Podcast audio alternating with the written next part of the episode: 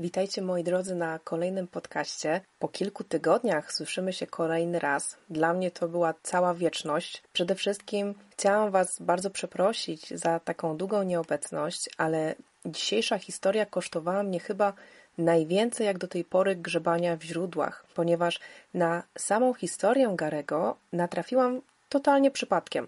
Ale chyba to był jakiś znak, ponieważ ta sprawa wciągnęła mnie bez reszty. Jak myślę, tak sobie analizowałam, chyba żadna przedtem sprawa tak nie wciągnęła mnie jak sprawa y, Garego. Ponieważ w pewnym skupie, gdzie sprzedają tony książek, a ja tam jestem bardzo często, jak y, no, praktycznie codziennie, y, jak wracam z pracy, idę w stronę samochodu, to właśnie mijam taki skup, tam można znaleźć wszystko. Dosłownie słuchajcie, wszystko. Mm, to jest taki skup, gdzie ludzie przynoszą różne rzeczy, y, sprzedają, zostawiają i tak dalej. I są tam tony książek, tony. Naprawdę to są całe regały książek.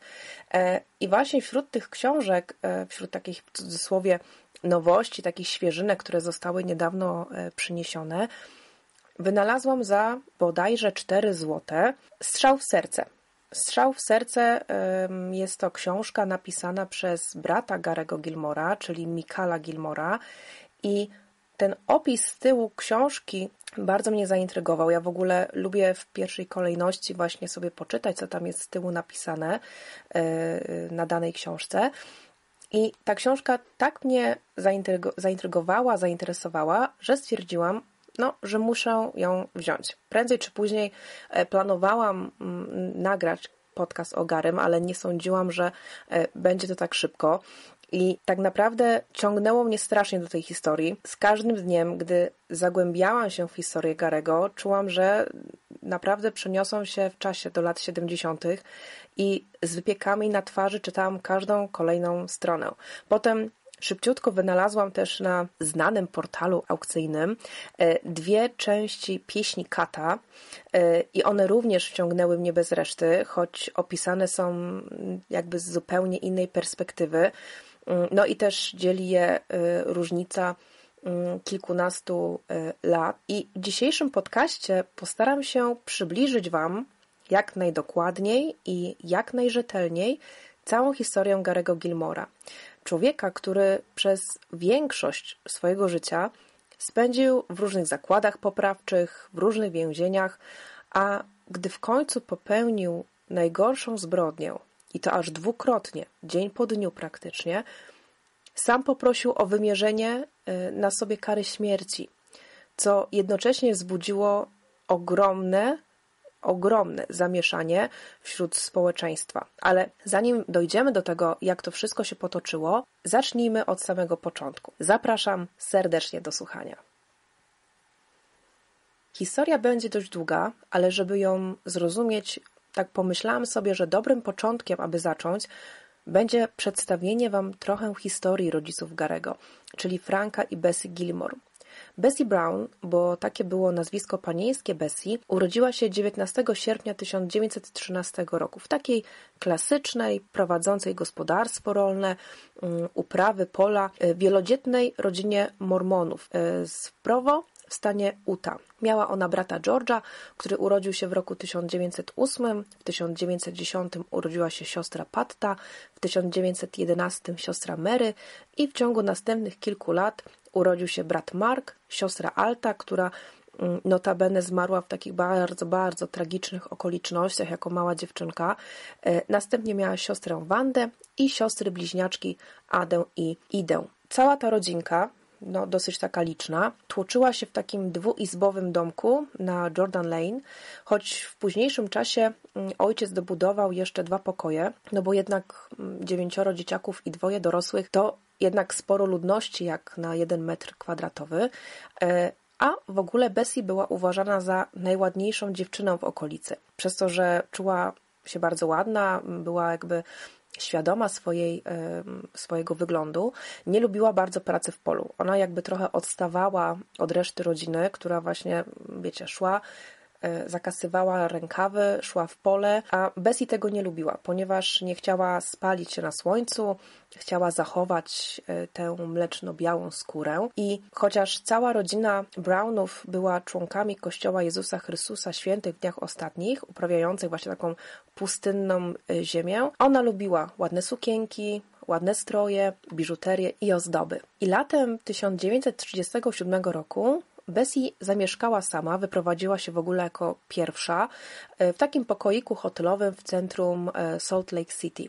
Utrzymywała się z takich drobnych prac domowych oraz prezentacji biżuterii i jedną z jej najlepszych przyjaciółek była Anita, która pracowała jako kelnerka w miejscowej restauracji rybnej. Anita jakiś czas wcześniej rozwiodła się ze swoim mężem i te wszystkie swoje smutki, czy też niesmutki, topiła w takiej sporej ilości e, alkoholu w przeciwieństwie do Bessie, która alkoholu nie trawiła kompletnie. I pewnego dnia Bessie spotkała Anitę w hotelu, w chwili gdy Anita wracała z Temple Street, gdzie żyła ze swoim przyjacielem zwanym Tatkiem. I chciała pokazać Bessie, jaką piękną maszynę do pisania kupił jej ten owy tatko, ale z racji, że była już trochę wstawiona, no to niestety ta maszyna wypadła jej z rąk i roztrzaskała się o podłogę. I w tym momencie, gdy maszyna uległa dosłownie destrukcji, pojawił się tajemniczy przyjaciel Anity, przedstawiając się jako Frank Gilmore, choć nie było to jego e, rodowe, prawdziwe nazwisko, ponieważ jego nazwiskiem rodowym było Wace, ale do różnych nazwisk e, Franka dojdziemy e, później, ponieważ dowiecie się, dlaczego posługiwał się różnymi imionami i nazwiskami. Według Bessie miał on wtedy już około 50 lat, ale jak na swój wiek był bardzo zadbanym i takim eleganckim mężczyzną i na widok tej rozbitej maszyny, która tak naprawdę należała do niego, bardzo się zdenerwował na Anitę i nakazał natychmiast się e, wyprowadzić dziewczynie e, z tego jego pokoju, gdzie razem e, mieszkali. Bessie, no, mając trochę taktu i takiej kultury osobistej, nie chcąc się wtrącać, pożegnała się wtedy z koleżanką, która no, była dosyć zapłakana i wyszła z tego hotelu. Ale nie minęło kilka dni, gdy Bessie, idąc przez Temple Street do swojej biblioteki, natknęła się ponownie na Franka Gilmora, który nic tego nizowego od razu zaproponował jej e, pójście na taką wspólną e, kawę.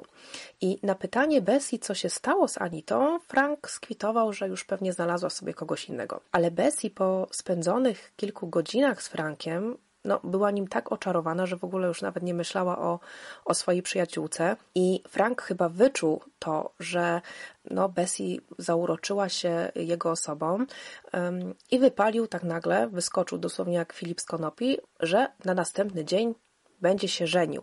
No, Bessie nie mogła zbytnio tego pojąć, jak jeszcze dosłownie kilka dni temu spotykał się z jej przyjaciółką, teraz nagle zaprosił e, ją na, taką, na takie spotkanie towarzyskie, a za kilkanaście godzin będzie się żenił zupełnie inną kobietą. Następnie, gdy się pożegnali, tak naprawdę przez długi okres czasu, e, około roku, e, nie mieli żadnego kontaktu ze sobą. I ponownie przypadkiem zupełnie, wpadli na siebie przed tym samym hotelem, co, co kiedyś się spotkali pierwszy raz. I Frank na pytanie e, Bessie, co się stało z tym małżeństwem, jak się toczy jego małżeństwo, co tam u niego słychać, skwitował tylko, że małżeństwo nie trwało długo i ponownie od razu zaprosił Bessie do kina na randkę. I myślę, że Frank był mężczyzną, który bardzo szybko przechodził od słów do czynów i, i tutaj nie widział żadnego problemu, żeby nie widząc kogoś e, ileś miesięcy, praktycznie ponad roku, e, zaprosić kogoś po prostu od razu na, na spotkanie towarzyskie. Myślę, że też jest teraz pora, aby troszkę opowiedzieć o ojcu Garego. Frank Harry Gilmore urodził się 23 listopada 1890 roku w Lincolnie w Nebrasce. Problemem mm, było ustalenie takiej stuprocentowej daty urodzin, ponieważ e, wówczas w tamtym okresie w stanie Nebraska nie prowadzono rejestru narodzin i jego syn, ten najmłodszy syn, który właśnie napisał strzał w serce, czyli Michael Gilmore, nigdy nie odnalazł aktu urodzenia czy aktu chrztu swojego ojca, więc to jest taka data chyba przekazywana po prostu ustnie e, z jakichś informacji, być może e, od Bessie albo od samego Franka, który po prostu powiedział, że urodziłem się wtedy i wtedy i koniec tematu. I Frank Gilmore już w roku 1910 pracował w branży rozrywkowej jako clown um, chodzący po linie w cyrku e, Barnumana, gdzie miał pseudonim Lafo. Po jednym z takich niefortunnych upadków e, Frank stwierdził, że no jednak chodzenie po linie to jest dosyć niebezpieczne i postanowił zająć się tresurą dzikich kotów. Tak, jakby lwy czy y, inne tego typu kotowate nie były y, mniej niebezpieczne niż chodzenie po, po linie. I tak się niestety też stało, że mm, jeden z tych leopardów, który, y, z którymi on pracował, dosięgnął go dosyć mocno łapą i zostawił ślad na policzku i na czole. I wtedy właśnie Frank również uznał, że dzikie koty to jednak są niepewni partnerzy, i zostawił w ogóle cyrk za, za sobą. Już tam więcej po prostu nie wrócił. I po kilku latach przeniósł się do Los Angeles, gdzie e, pracował w niebych filmach jako kaskader, gdzie zastępował między e, Harego Carreya i Francisa Bushmana, ale Frank doskonale wiedział, co mówić Bessie i, i dlatego też Bessie o wielu, wielu, wielu, wielu sprawach z jego przeszłości nie wiedziała. I Frank raczej był takim człowiekiem bardzo skrytym i nie miał kompletnie zamiaru je opowiadać i jakby wypełniać luk w jego opowieściach, mimo tego, że Bessie się dopytywała wielokrotnie o różne takie mm, sytuacje, wiecie, z jego życia mm, i, i różne historie, ale on ją po prostu mimo wszystko zbywał. Podczas jednej z randek Frank wypalił nagle z pomysłem, aby wraz z Bessie udali się do Sacramento, gdzie z marszu mogliby wziąć ślub i spotkać się z jego matką Faye Ingram, która przebywała w pensjonacie dla e, takich starszych pań przy szpitalu w Sacramento. Ten pensjonat e, nazywał się Ladies Cottage.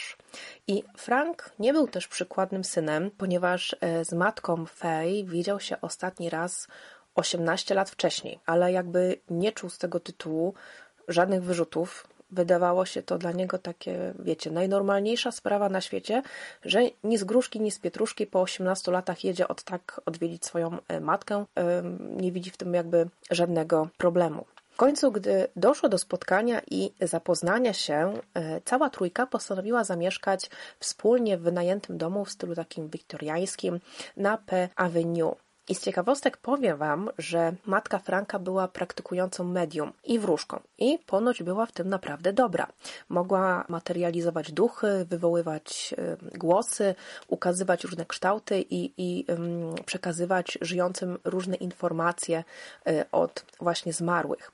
I w ogóle temat duchów demonów, czy w ogóle zjawisk takich paranormalnych pojawiał się w życiu w jej rodzinnym domu, jak również w późniejszym czasie, e, gdy założyła swoją rodzinę. I e, ten temat się pojawiał bardzo często w wielu sytuacjach. E, te pewne niewyjaśnione zjawiska miały miejsce, o których mam nadzieję później nie zapomnę Wam wspomnieć. Bessie też niejednokrotnie wspominała, jak przez te różne siły nieczyste, które pojawiały się w ich domu, czy w jej domu rodzinnym, czy później właśnie, że te siły nieczyste są odpowiedzialne za jakby tragedie, które spotykały ją i jej e, rodzinę. Tak się również złożyło, co myślę Frank skrzętnie zaplanował, że Fay była osobistością duchowną kościoła spirytualistycznego Kalifornii, czyli była osobą, która też e, e, była uprawniona do udzielania sakramentu małżeństwa. Bessie niechętnie przystała na tę propozycję złożenia przysięgi udzielonej przez Fay,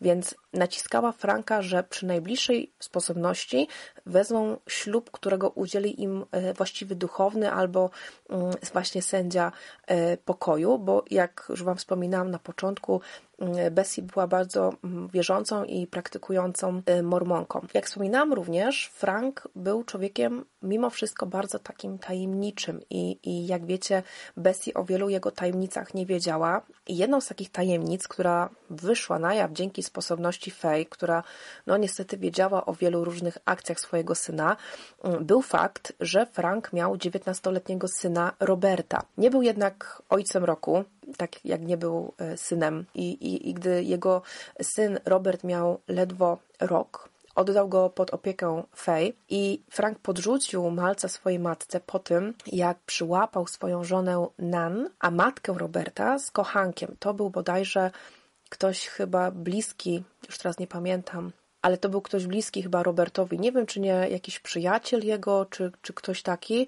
W każdym razie tym, że zabrał małego Roberta do, od swojej matki, tym sposobem chciał ją właśnie ukarać za to, że go po prostu zdradziła. No ale nie opiekował się nim sam, tylko oczywiście został mały Robert podrzucony do babci. Matka Roberta nie była w ogóle pierwszą żoną Franka. Jak się okazało, Bessie była szóstą lub siódmą e, żoną z kolei.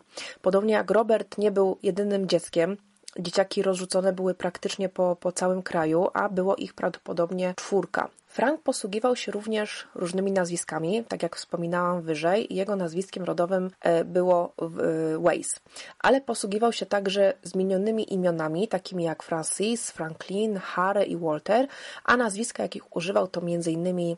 E, Ingram, Seville, Sullivan, Lacton, Lafaux, Collier i Kaufman. Podobnie też Bessie miała różne imiona i nazwiska, więc do tego za chwilę też właśnie dojdziemy. Nie minęło jednak dużo czasu, gdy zawarli ten cały e, związek małżeński, gdy Frank oznajmił e, Bessie, że musi wyjechać z miasta w pewnych interesach. Jak później e, dowiecie się, były to raczej jego takie nagminne zachowania, takie właśnie wypady na kilka lub kilkanaście tygodni i zostawianie Bessie samej, a później Bessie samej wraz z synami. Po pewnym z takich wypadów e, Frank postanowił, że wybiorą się razem do Uta, ponieważ musiał e, dokonać kolejnej transakcji, a dla Bessie była to taka okazja do odwiedzenia jej e, rodziny właśnie na farmie i przedstawienie w końcu jej męża, ponieważ oni jeszcze jakby nie mieli e, sposobności go, e, go po prostu poznać.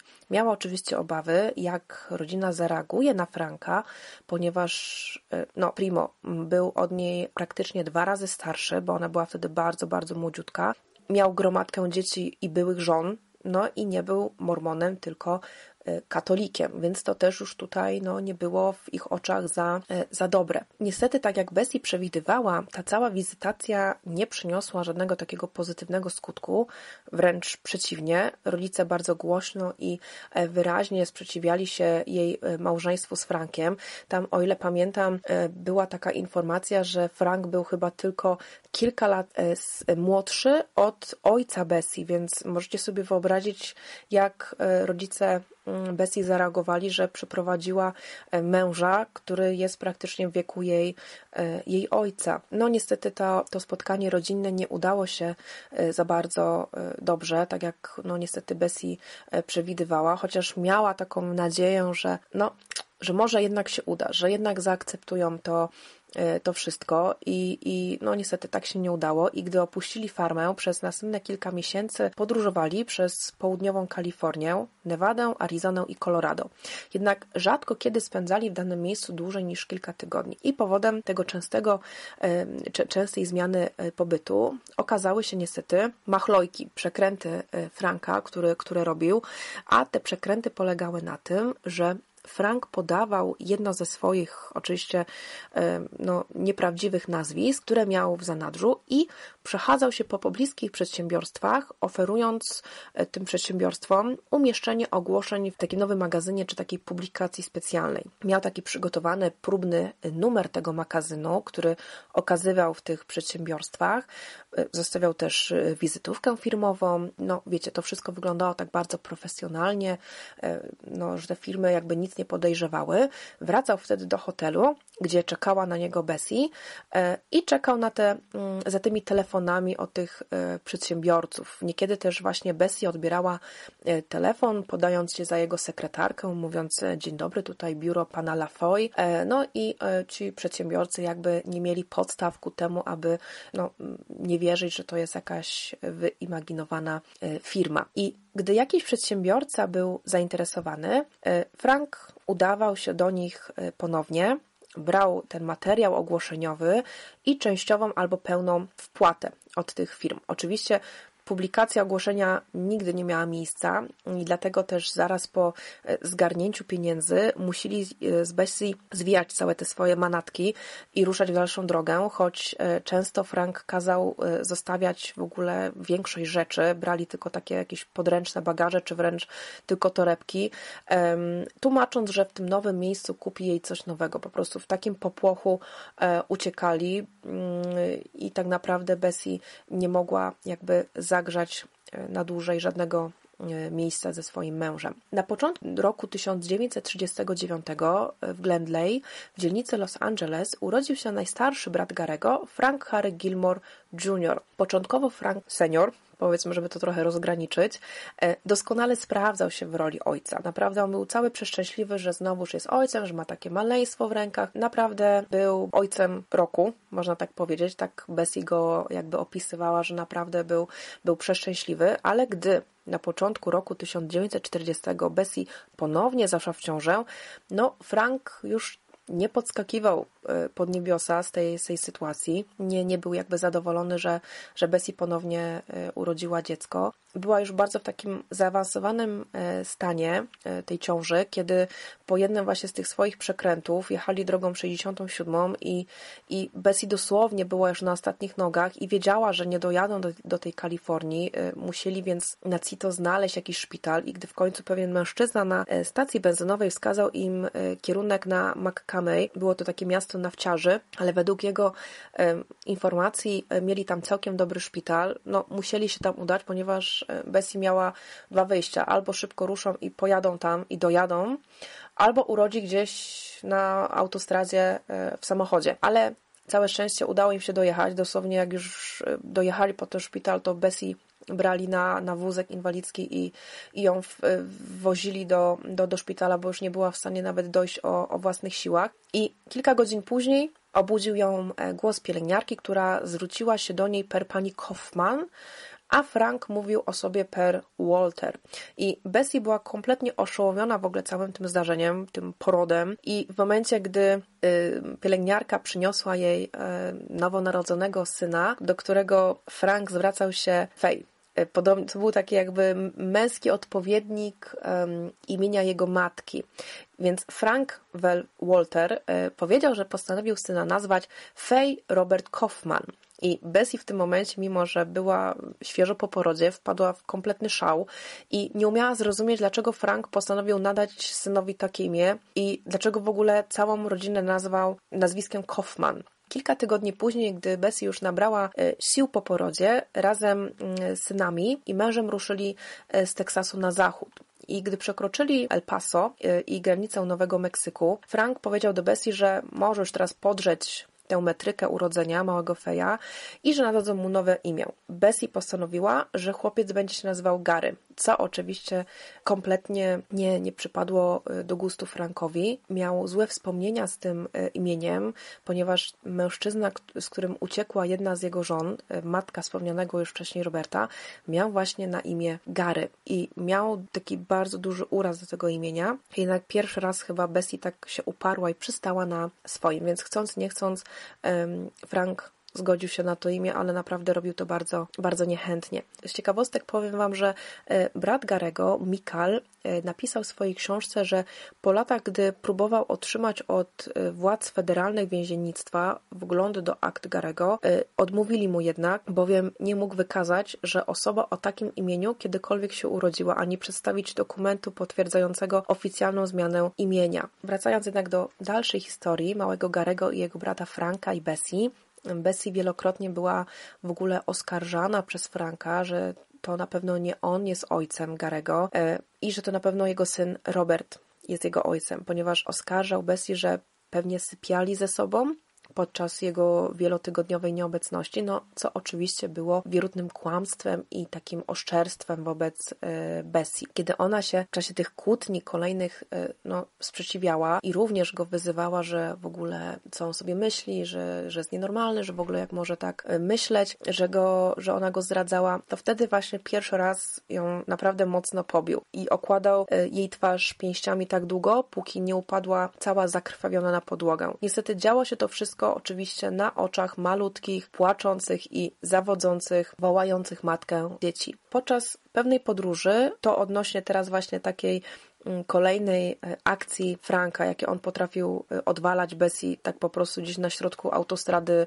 wśród pustkowia. Podczas właśnie jednej z takich podróży Bessie poprosiła go, aby mógł się zatrzymać na mm, jakiejś stacji benzynowej, ponieważ musiała zmienić pieluchę Frankowi. Gdy przyszła z synkiem, dosłownie no, po kilku minutach, e, wiecie, ja wiem, że można dziecku zmienić naprawdę pieluchę w minutę, więc y, jak ona przyszła dosłownie po kilku minutach, zorientowała się, że Frank wraz z Garem w środku w tym samochodzie odjechali spod tej stacji. I myślała na początku, że y, Frank robi jej po złości, że pewnie gdzieś tutaj odjechał tylko kawałek, że zaraz po nią wróci, żeby jej pokazać, że, że właśnie taką swoją złość na nią, ale czekała za nimi aż e, do samej nocy. W końcu ten e, pracownik stacji, gdzie, gdzie oni się zatrzymali, no musiał już ją zamknąć, więc zaproponował e, Bessie, że ją podwiezie razem z synem do najbliższej miejscowości, gdzie znajdował się dworzec autobusowy i hotel. Stamtąd Bessie zadzwoniła do rodziców, aby przesłali jej telegraficznie trochę pieniędzy na powrót do domu w prawo i gdy ona tam dojechała e, razem, e, razem z synem, e, ba, ci rodzice bardzo nalegali na Bessie, aby natychmiast zawiadomiono policję, ale Bessie nie wiedzieć, nie wiedzieć czemu, zupełnie temu pomysłowi się sprzeciwiała. Po kilku dniach, gdy przebywała na tej farmie,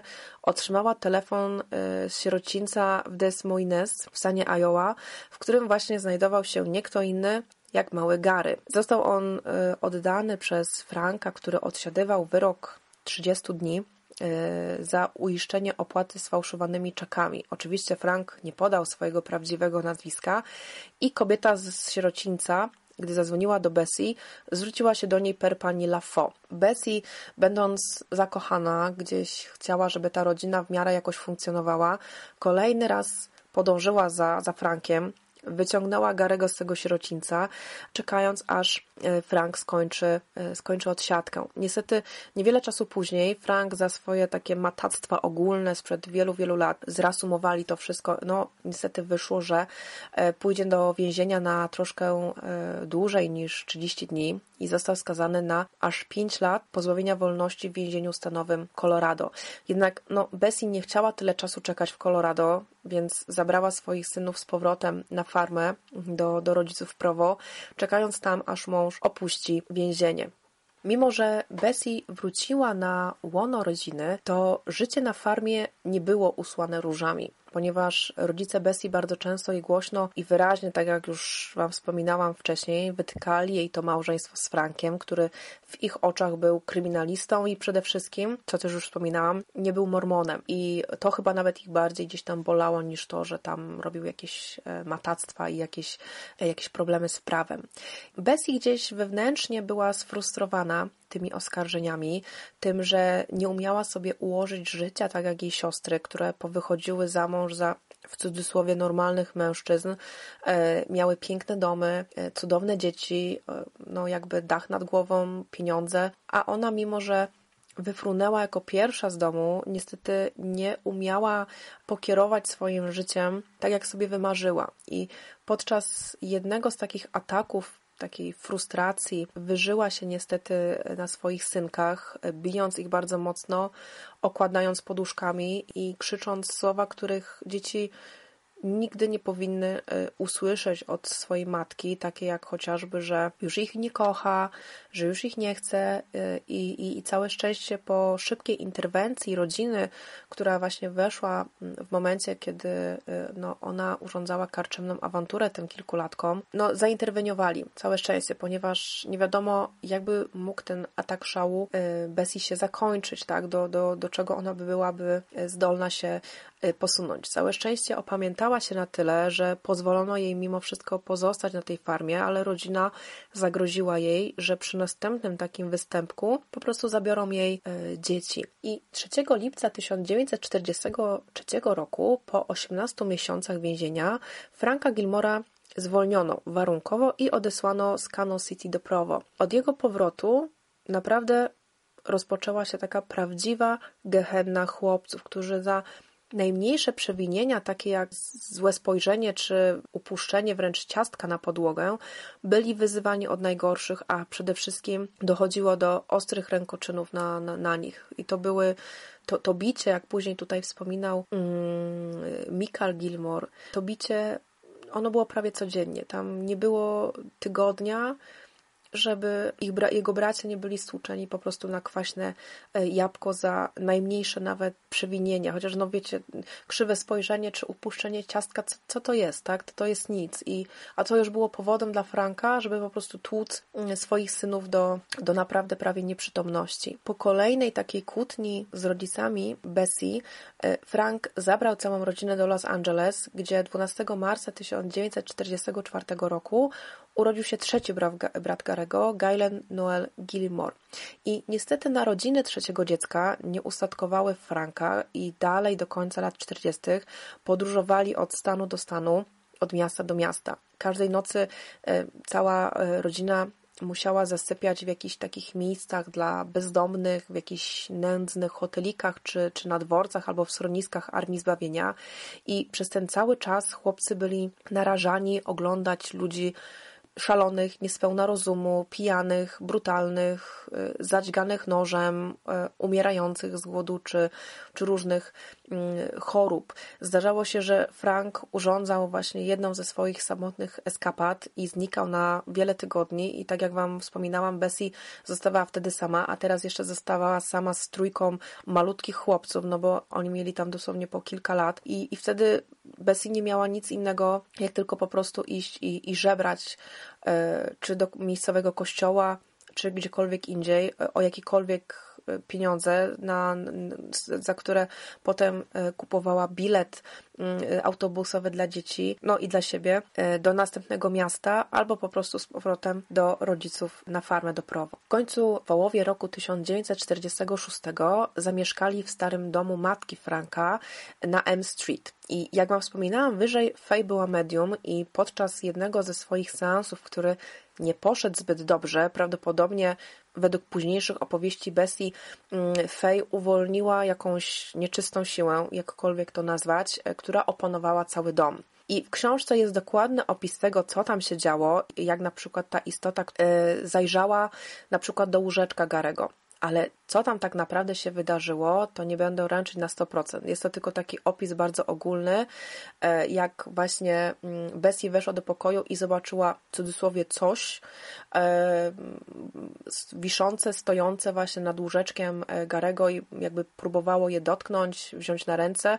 W każdym razie Bessie, no chociaż była sparaliżowana i przestraszona, natychmiast jakby wzięła tych swoich synów i wybiegła z domu, zostawiając w ogóle Fej w tym, w tym domu i spędziła to tą noc na, mm, na dworcu autobusowym i no, martwiła się gdzieś tam o tą swoją teściową, ale tłumaczyła sobie, że Fej od lat jest medium, od lat gdzieś jakby miała kontakt z tym światem duchowym i doskonale wie, jak postępować z takimi siłami. I no i mimo wszystko nie wróciła tej nocy już po swoją teściową, czy w ogóle do tego domu i powiedziała, że może tam wejść ewentualnie tylko po rzeczy, żeby się właśnie stamtąd wyprowadzić, e, ale tylko w ciągu, e, w ciągu dnia. Nie miała odwagi tam po prostu już zostawać na noc. I wkrótce po tym incydencie cała rodzina przeprowadziła się do San Diego, gdzie właśnie Frank otrzymał pracę na e, budowie. Niestety we Wigilię 1946 roku przyszedł do Gilmorów list, że 15 grudnia zmarła matka Franka w szpitalu w Sacramento.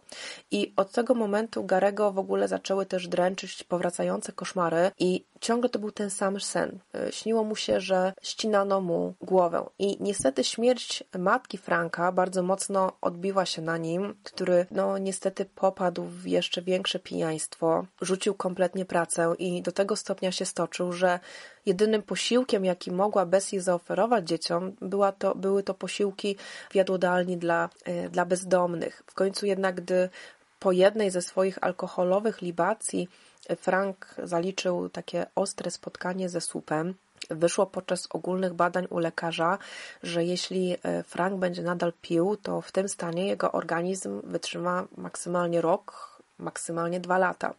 I miał już tak zniszczoną wątrobę, że niestety szybko jego styl życia poszedł go po prostu do, e, do grobu. I to trochę otrzeźwiło Franka i ogólnie zaprzestał już takiego picia, jakiemu oddawał się przedtem. Niestety z drugiej strony ten brak alkoholu e, powodował u niego jeszcze większą wzmożoną agresję i tą gwałtowność wobec e, rodziny całej, zarówno Bessie, jak i synów. W roku 1949 e, wszyscy przeprowadzili się do Portlandu w stanie Oregon, gdzie znalazła siedzibę nowo wzniesiona e, dzielnica mieszkaniowa na północnym skraju miasta. I wtedy Frank wpadł według niego na taki genialny pomysł. Chciał zebrać w całość różne statuty i regulacje prawne dotyczące planowania i rozbudowy osiedli mieszkaniowych i własności e, handlowej w Portlandzie i hrabstwie e, Multomach przełoży to na bardziej taki dostępny i prosty język i wyda taką broszurkę w poręcznym formacie zawierającą właśnie porady dla wykonawców budowniczych i architektów.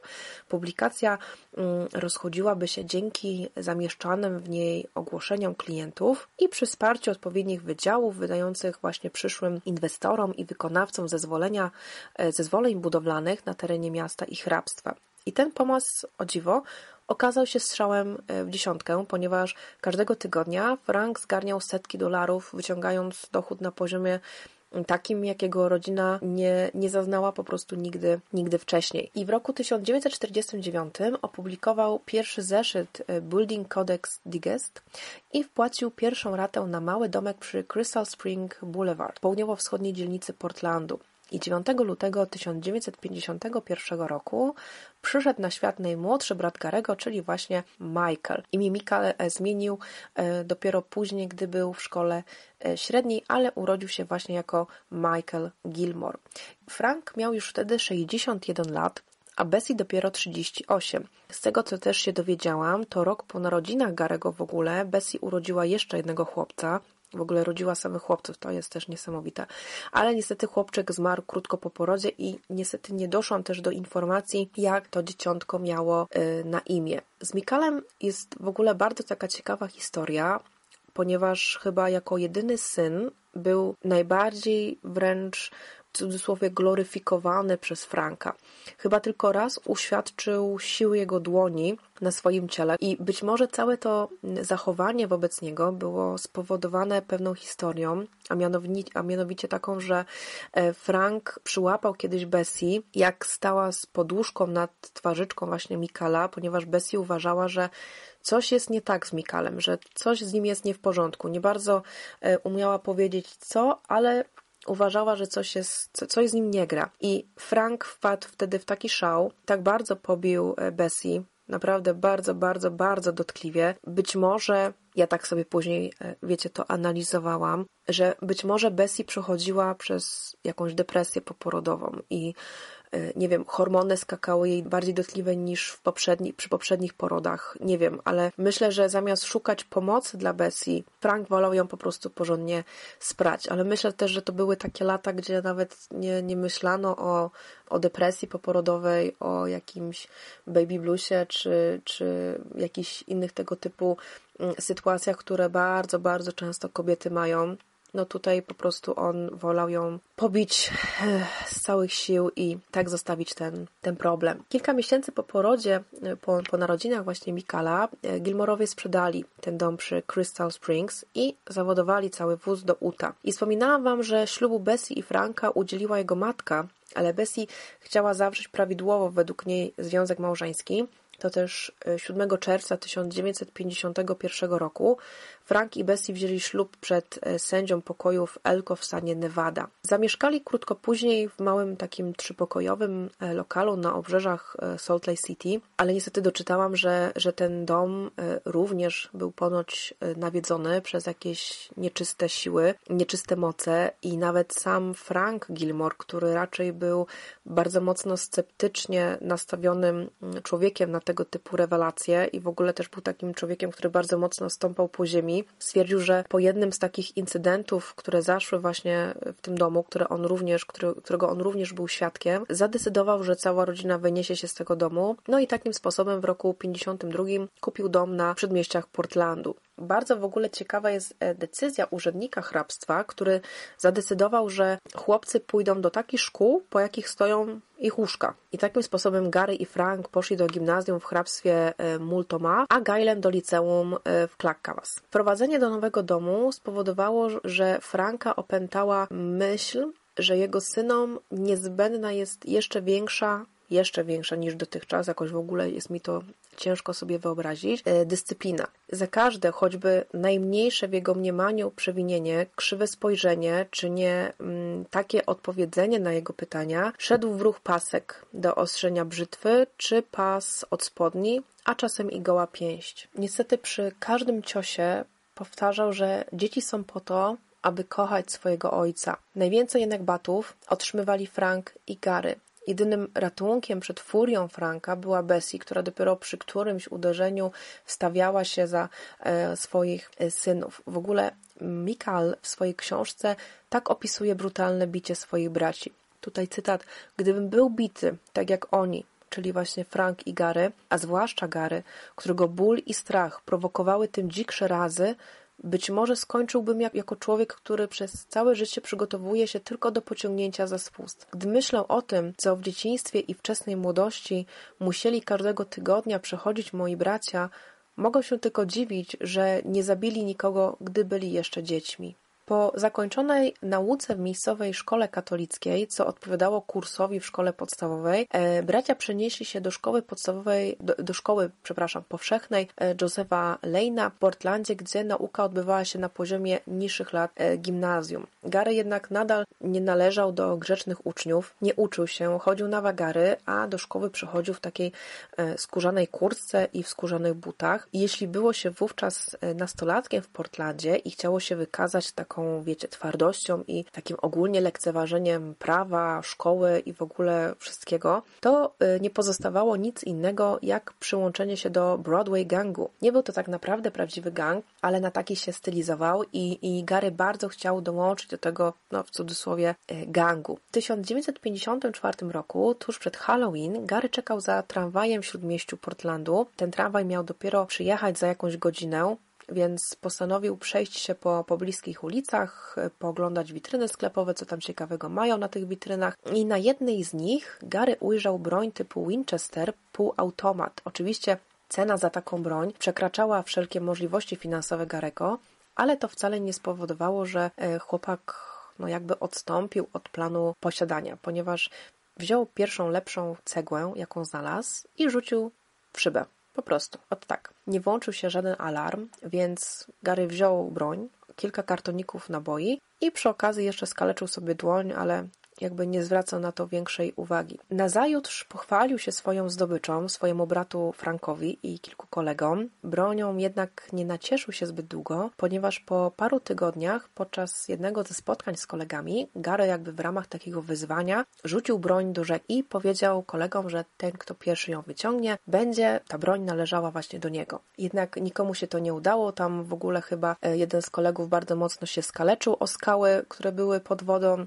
Gary był e, bardzo e, rozśmieszony w ogóle tą, tą całą sytuacją. Być może nawet jest jakaś szansa na to, że ta broń leży e, do dzisiaj w tej rzece, no chyba, że już nurt rzeki ją po prostu porwał e, gdzieś, gdzieś dalej. Jednym z pierwszych aktów takiej niepohamowanej agresji Gary dokonał podczas niby takiej niewinnej zabawy z kolegami, która zakończyła się wybuchem właśnie złości Garego, powaleniem kolegi na ziemię, próbą duszenia w takim kompletnym amoku i dopiero gdy inny kolega kolega zorientował się, że to już nie są koleżeńskie zabawy, koleżeńskie zapasy, e, dopiero zobaczył właśnie, że, że Gary jest w takiej furii, w takim amoku, że, że nie dochodzą do niego żadne słowa. Kolega ten mm, drugi pobiegł właśnie do ojca, e, po ojca tego chłopca, który był duszony i dopiero wtedy, kiedy ten ojciec wziął go dosłownie za, za, za, za kark, podniósł do góry, no Gary się jakby opamiętał. I cała ta sytuacja skończyła się w miarę dobrze, bo Garemu nie postawiono żadnych zarzutów, ale jego zła pasa jakby trwała dalej. I na początku 1954 roku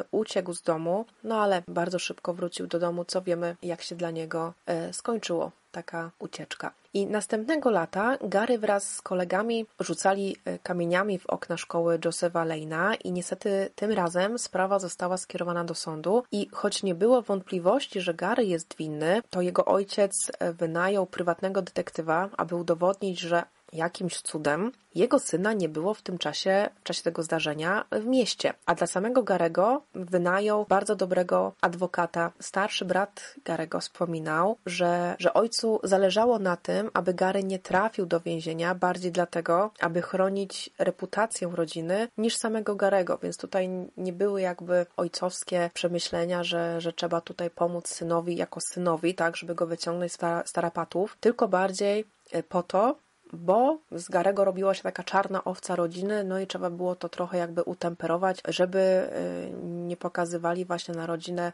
Gilmorów, że to jest właśnie ta rodzina, co, co jest po prostu no taka siaka czy, e, czy owaka. W roku 1955 Gary i kilku jego kolegów stworzyli taki swój mały własny gang złodziei samochodów. Choć nie powiem, był to dosyć taki osobliwy typ e, złodziejstwa, ponieważ e, Gary i koledzy kradli dany samochód, przemalowywali go, jeździli nim sobie przez kilka dni tam po pobliskich e, ulicach, miastach, a następnie porzucali go i kradli następny. I znowuż robili to samo.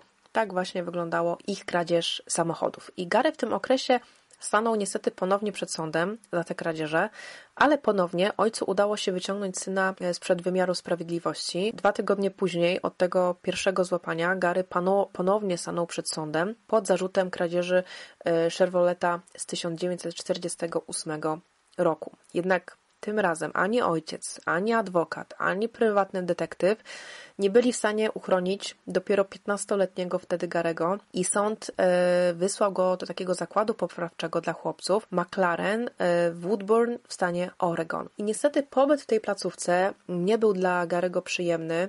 Wielokrotnie był świadkiem e, przemocy psychicznej, przemocy fizycznej, przede wszystkim też molestowania chłopców chłopcy w ogóle tam molestowali siebie e, wzajemnie. E, sam w ogóle doznał podczas pierwszej nocy dość takiego nieprzyjemnego rytuału, który miał być Mm, takiego jakby swojego rodzaju przywitaniem, w cudzysłowie, świeżaków w zakładzie. I rytuał ten polegał na tym, że kilkunastu chłopców masturbowało się tak długo, aż dochodzili do erekcji i całe nasienie kierowali w stronę twarzy nowicjusza. Parę tygodni po tym, jak Gary trafił do McLarena wraz z wychowawcą i innymi chłopcami, wziął udział w takiej wyprawie na oregońskie wybrzeże, aby tam sobie chłopcy trochę pochodzili, pospacerowali, świeżego powietrza powdychali, były to okolice e, Seaside. W drodze powrotnej Gary z kilkoma kolegami trzymali się specjalnie z tyłu i gdy nadarzyła się ku temu okazja, czmychnęli po prostu wychowawcy, a następnie złapali e, autostop do Portland. E, udało mu się jakimś cudem dotrzeć do domu,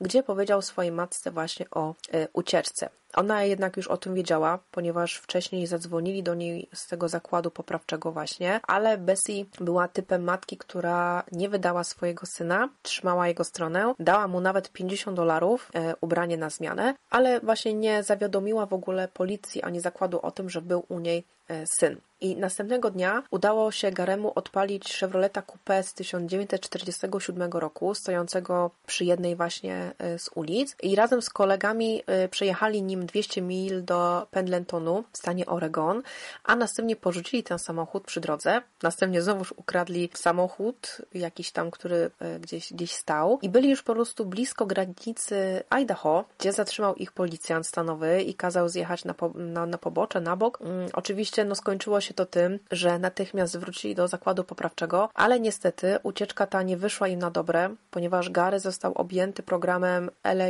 Darling, w skrócie LED.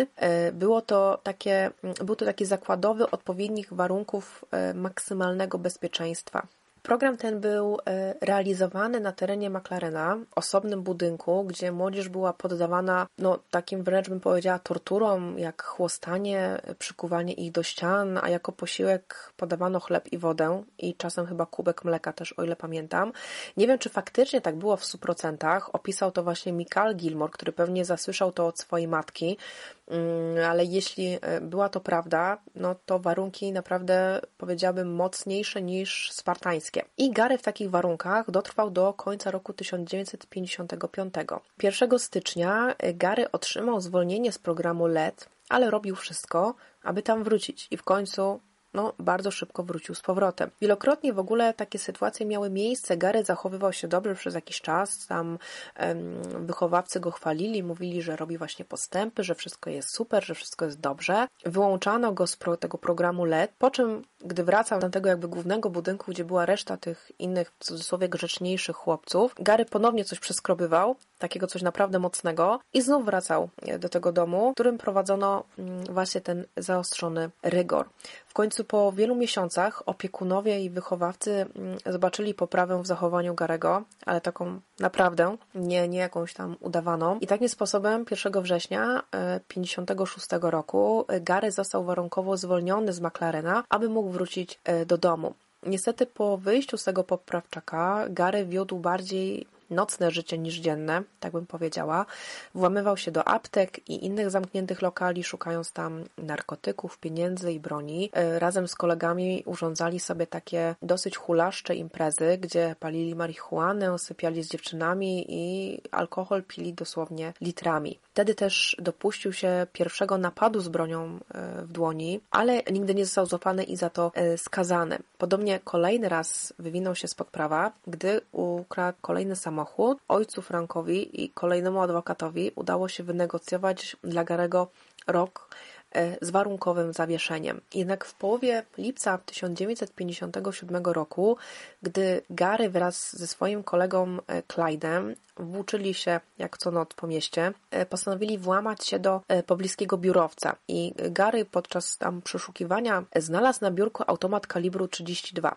I broń była naładowana i zarepetowana, o czym Gary nie wiedział. I Clyde podpuszczał Garego, żeby mu pokazał, jak to jest e, zrobić taki napad na, na człowieka z bronią w ręku, bo nie wierzył, że Gary kiedykolwiek to zrobił. I niefortunnie niestety Gary tak chwycił broń, że postrzelił e, kolegę. Niestety tak się wystraszył tej całej sytuacji, że po prostu e, uciekł i zostawił go na środku ulicy. Clyde'owi udało się jakoś e, zatrzymać taksówkę, dojechać do najbliższego szpitala, ale gdy godzinę później zjawiła się policja, aby wziąć to zeznanie Clyde'a, on powiedział, że nie powiedział, że to Gary go postrzelił, jakby nie sprzedał w cudzysłowie Garego, ale zrobiła to za niego jego matka która od razu powiedziała funkcjonariuszowi, żeby sprawdzili właśnie Garego Gilmora, bo jest duża szansa na to, że to on jest po prostu e, winny tego, co, co, co zrobił jej synowi. I Gary oczywiście wszystkiemu zaprzeczył, ale ciążył jeszcze na nim wyrok za kradzież samochodu i takim sposobem ponownie stanął przed sądem. Tym razem pomoc dobrego adwokata i, i nawet tutaj charyzma ojca, który również jakby ponownie stawił się za, za Garym, nie uchroniła Garego przed więzieniem i będąc szesnastolatkiem, tak naprawdę ledwo szesnastolatkiem, został skazany jak dorosły na roczny pobyt w Rocky Boot w więzieniu hrabstwa Multomach. Jedną z takich ciekawostek, jaką przeczytałam w sprawie Garego, jest fakt, że po wyjściu z więzienia w roku 58 poznał pewną młodą, nieletnią e, dziewczynę Anitę, która podczas jednej z pijańskich spotkań zaszła z nim w ciążę. Podczas przesłuchiwania mm, Gary e, uciekał z aresztu miejskiego, jakimś cudem mu się udało w ogóle uciec. E, od razu mi się też przypomniała ucieczka Teda Bandiego, który też właśnie uciekł mm, z, z jakiegoś chyba aresztu, czy, czy, czy z jakiegoś budynku właśnie, e, mimo że był pilnowany. To też mi się tak to właśnie skojarzyło w tym przypadku, jak Gary właśnie uciekł z aresztu jakimś cudem. I, i udał się do Kalifornii, gdzie zatrzymał się u dawnej przyjaciółki w San Diego. Zmienił też swoje dane i od tej chwili kazał się nazywać John Rochur i w ciągu jednego miesiąca zatrzymywano go aż pięciokrotnie. On w ogóle też chyba był generalnie zatrzymywany nie tylko za e, przekroczenie e, prędkości, ale później się też okazywało, że on cały czas jeździł bez prawa jazdy. I w końcu policja z El Paso e, przetransportowała go do miejsca zamieszkania i mimo, że Gary również był młody, no bo miał tam ledwo no, 17 lat, mm, to jednak współżycie z Anitą doprowadziło do tego, że został oskarżony o gwałt. I według wiedzy Garego chłopiec, który którego urodziła Anita, zmarł przy porodzie, ale według e, późniejszych ustaleń, jakie przeczytałam, według Bessie Gilmore, Frank zgodził się e, opłacić koszty szpitala i takiej kilkuletniej opieki nad tym dzieckiem w zamian za wycofanie oskarżenia. A prokuratura i rodzina przystała na to pod warunkiem, że Gary nie będzie nigdy e, szukał takiego bezpośredniego kontaktu z tym dzieckiem, że, że nie będzie chciał się z nim spotykać, jakby uczestniczyć e, w życiu tego dziecka jako ojciec, no żeby po prostu żył w świadomości że, że ten chłopiec e, zmarł. I ponoć Bessie nawet odwiedziła kiedyś Anitę i jej synka, więc no tak jak mówiłam, wiedza Garego na temat tego, że jego dziecko e, zmarło przy porodzie było błędne, ale jakby nikt nie kwapił się, aby mu o tym wspomnieć, aby mu o tym powiedzieć, no jakby dotrzymali e, słowa, które dali właśnie tej e, rodzinie Anity. I w życiu Garego rozpoczęły się niestety kolejne problemy, ponieważ w roku 1962 jego ojciec udał się do szpitala na wycięcie guzka z szyi. W ogóle myśleli, że to będzie tylko jakieś takie mm, zwykłe, jakiś taki zabieg, zabieg, zwykła operacja, że to jakiś torbiel, ale niestety okazało się, że e, Frank zachorował na raka i według lekarzy zostało mu dosłownie kilka miesięcy życia. Bessie była tak zrozpaczona, e, no była w opłakanym stanie, ale przy mężu naprawdę się mocno trzymała. Ona mu nie powiedziała, że on umiera i błagała wręcz lekarzy o, o, to, aby po prostu nie wspominali o tym e, Frankowi. Ona nie chciała mu tego mówić i rozkleiła się dopiero przy swoich synach, kiedy wyszła właśnie od lekarzy i wyszła od swojego męża ze, ze szpitala. Chciała być dla niego silna i nie chciała, aby Frank widział ją po prostu w takim stanie, żeby ją widział taką załamaną, zapłakaną, więc no, Frank przez następne kilka miesięcy próbował w miarę funkcjonować i pracować. E, miał takie momenty, że raz czuł się lepiej, raz czuł się trochę gorzej. E, jego stan mimo wszystko nadal e, pozwalał mu na to, aby wyzywać swoich synów od najgorszych. E, na to oczywiście miał zawsze siłę i energię. Tak jak lekarze zapowiadali, i śmierć w końcu e, zapukała do jego drzwi. I w tym czasie, gdy ojciec umierał, Gary przebywał w zokadzie karnym w Rocky Boot i gdy dowiedział się właśnie od strażnika, że jego ojciec nie żyje, e, wpadł naprawdę w taki kompletny szał. E, tam też jest w książce opisane, w jaki sposób ten strażnik przekazał mu no, tę, jakby nie patrzeć, straszliwą wiadomość, bo bądź co bądź był to ojciec e, Garego. On był nadal młodym chłopakiem. To było, wiecie, coś na zasadzie, że ten twój stary, co tak go nienawidzisz, w końcu umarł, w końcu padł, czy coś takiego i, i powinieneś się cieszyć z tego, z tego wszystkiego. No a Gary jednak wpadł w szał, pewnie też raz, że, że ojciec zmarł, a dwa w sposób, w jaki zostało mu to po prostu przekazane, tak wiecie, od, ledwo co wstał i to mu zostało po prostu przekazane, jak gdyby nigdy, y, nigdy nic. I, I Gary w tej wściekłości rozbił żarówkę i pociął sobie całe e, przeguby obu, e, obu rąk. Bessie w ogóle błagała e, władze więzienia i sędziego, aby Gary mógł wyjść na, na przepustkę, aby uczestniczyć w pogrzebie ojca. Chciała nawet opłacić dodatkowe pieniądze za to, aby za dodatkową jakby eskortę dla Garego, aby no wiadomo, że on nie mógł sam sobie wyjść tak po prostu z więzienia, więc ona chciała opłacić strażników, którzy by udali się na razem z nim na ten pogrzeb ojca jako właśnie eskorta, ale no niestety ani władze więzienia, ani sędzia nie wydali takiej zgody, więc e, Gary nie był obecny no, na pogrzebie ojca.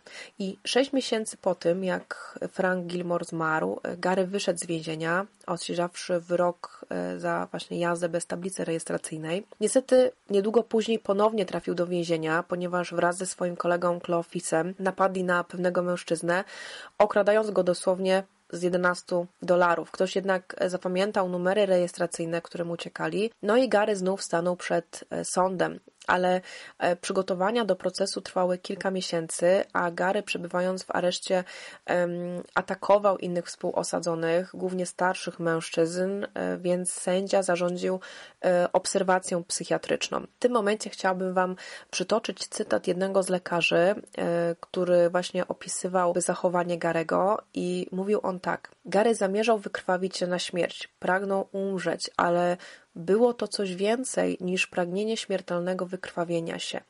I z tego, co pisał Mikael, e, według niego to wszystko było przygotowaniem do zadośćuczynienia krwi. A co to jest to całe zadośćuczynienie krwi, to postaram się Wam wyjaśnić później, mam nadzieję. Proces Garego rozpoczął się w połowie marca 1964 roku przed sądem miejskim w Oregonie.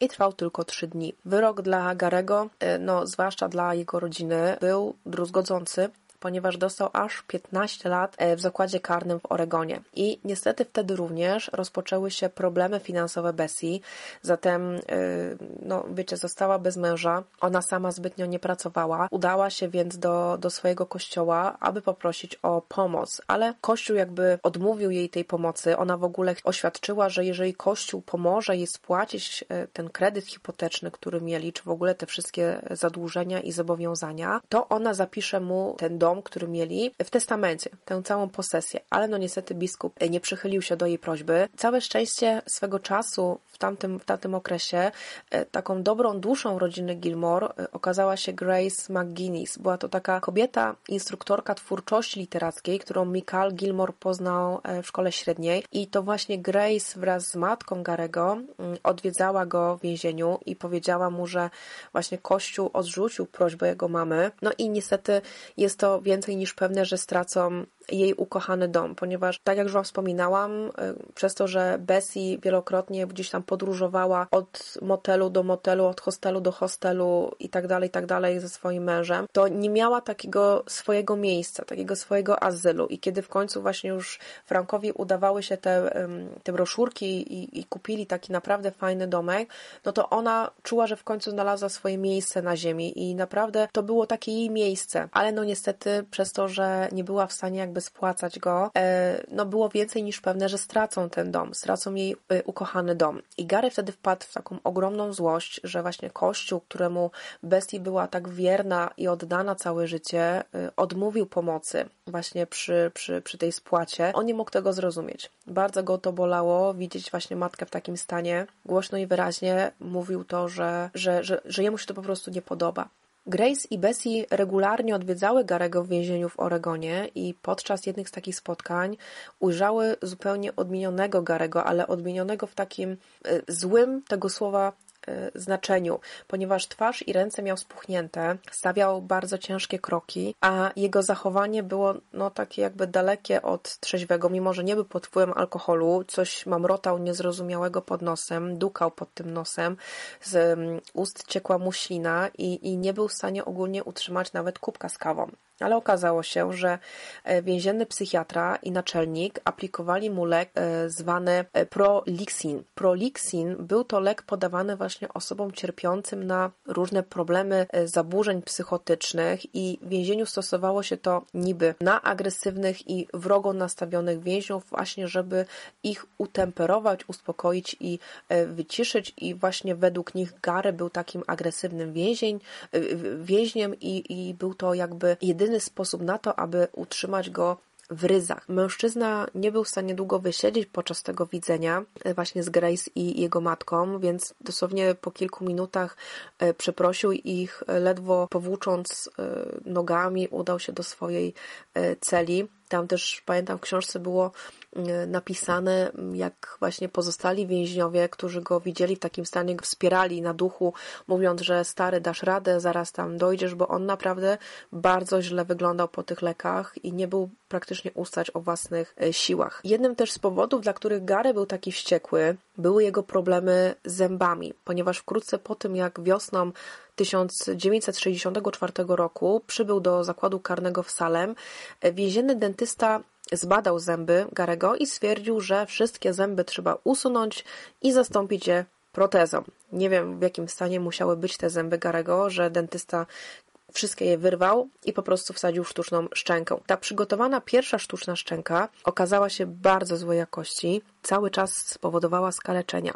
Mówienie czy jedzenie stawało się dla Garego naprawdę bolesną męką, więc Gary po jakimś czasie zażądał nowych protez, ale również z nimi były problemy, więc je po prostu zniszczył. I zaczęła się jakby, tak można to powiedzieć, swoista batalia Garego z władzami więziennictwa, bo naczelnik stwierdził, że no oni nie będą skakać wokół Garego i jego zębów, a Gary uważał, y, że robią mu to wszystko po to, aby go ukarać. Dopiero po przywiezieniu do zakładu karnego w Marion, stanie Illinois, y, Gary otrzymał po raz pierwszy świetnie dopasowane protezy. Niestety otrzymanie tych nowych protez nie uspokoiło Garego, wręcz przeciwnie.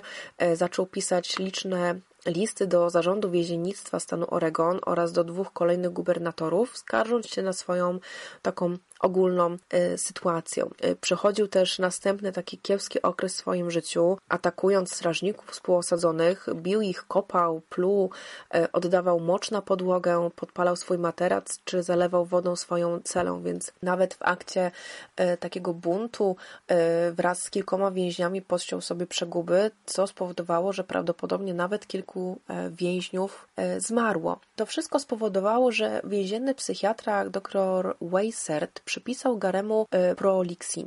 I ta średnia dawka proliksinu wahała się w granicach od 2 do 4 cm3 miesięcznie. A Gary skarżył się, że e, otrzymywał 16 cm przez 3 miesiące choć nigdzie nie, nie znalazłam jakby stuprocentowego potwierdzenia tego zeznania. I niestety w podobnym okresie również, jak Gary wtedy przebywał w tym więzieniu, zmarł młodszy brat Garego Gailen, który prawdopodobnie został bardzo dotkliwie dźgnięty w brzuch i w wyniku kolejnych operacji, jakie musiał mieć, zmarł po prostu w czasie, w czasie jednej z tych operacji w oregońskim szpitalu miejskim, ale tym razem udało się Bessie opłacić za nadgodziny tych strażników i jakby wybłagać prośbę do, do, do, do władz więziennictwa o to, żeby właśnie Gary mógł uczestniczyć w pogrzebie brata. No i się udało, więc Gary jechał na pogrzeb brata razem właśnie w eskorcie strażników, którzy siedzieli tuż za nim e, w kaplicy.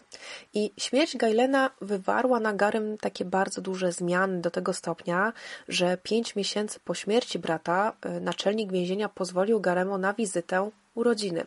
Podczas oczywiście tej podróży towarzyszył mu uzbrojony strażnik, który e, przywiózł go z więzienia więzienia Salem do przyczepy Bessie Gilmore w Oak Grove. Zachowanie Garego podczas wizytacji u matki bardzo spodobały się władzom więzienia. Gary również e, w tym czasie dużo pracował w więziennej pracowni plastycznej a że był bardzo uzdolnionym młodym człowiekiem pod kątem właśnie takim artystycznym, to naczelnik e, zachęcał go właśnie do wzięcia udziału w różnych konkursach plastycznych i gdy jesienią 1972 roku Gary wygrał kilka konkursów, naczelnik udzielił mu chętnie zgody na zajęcia w takim dwuletnim e, koledżu środowiskowym, gdzie miały właśnie studiować e, sztukę.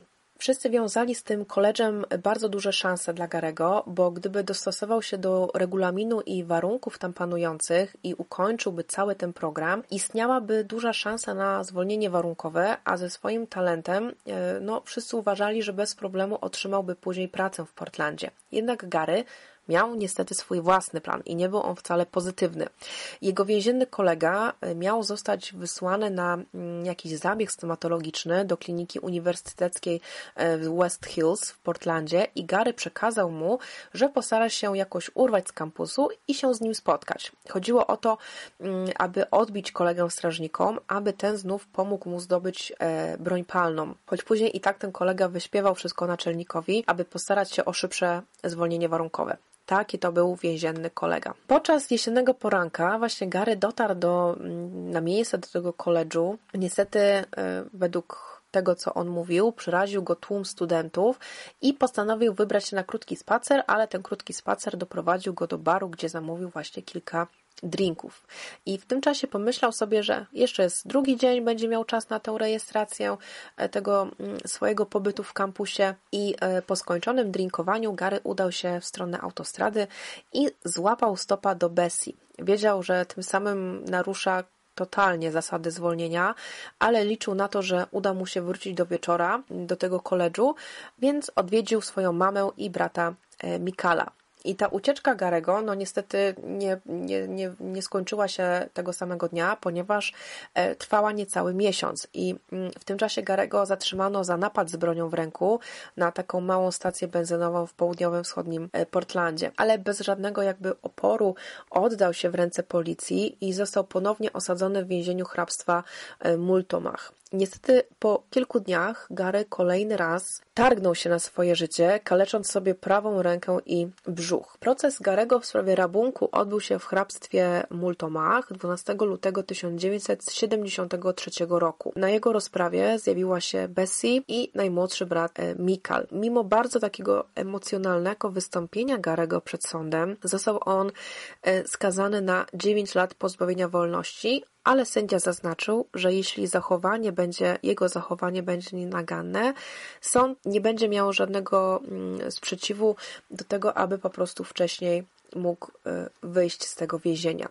Jesienią 1974 roku Gary zakochał się w kobiecie imieniem Becky, którą poznał przez inną dziewczynę, która e, odwiedza, odwiedzała właśnie w więzieniu jego e, kolegę. Planowali nawet ślub, ale niestety Becky zmarła jakiś czas później na stole operacyjnym i śmierć ukochanej spowodowała pogrążenie Garego w depresji, ale lekarz psychiatra stwierdził, że jest to ogólny wymysł Garego i nie przypisał mu żadnych leków, tylko odesłał po prostu z powrotem do, e, do jego celi. Więc ten brak zainteresowania spowodował, że Gary zaczął coraz częściej wpadać we wściekłość, nie radząc sobie z odejściem e, ukochanej. Pewnego dnia nawet pociął się kolejny raz, jakby nie patrzeć, e, żyletką i zamknął w celi, w sensie zabarykadował. I oznamił, że chce się zabić i e, pokroi każdego, kto będzie próbował mu w tym e, przeszkodzić. W tej sytuacji doktor Weissert zdecydował się, że Garemu należy wznowić podawanie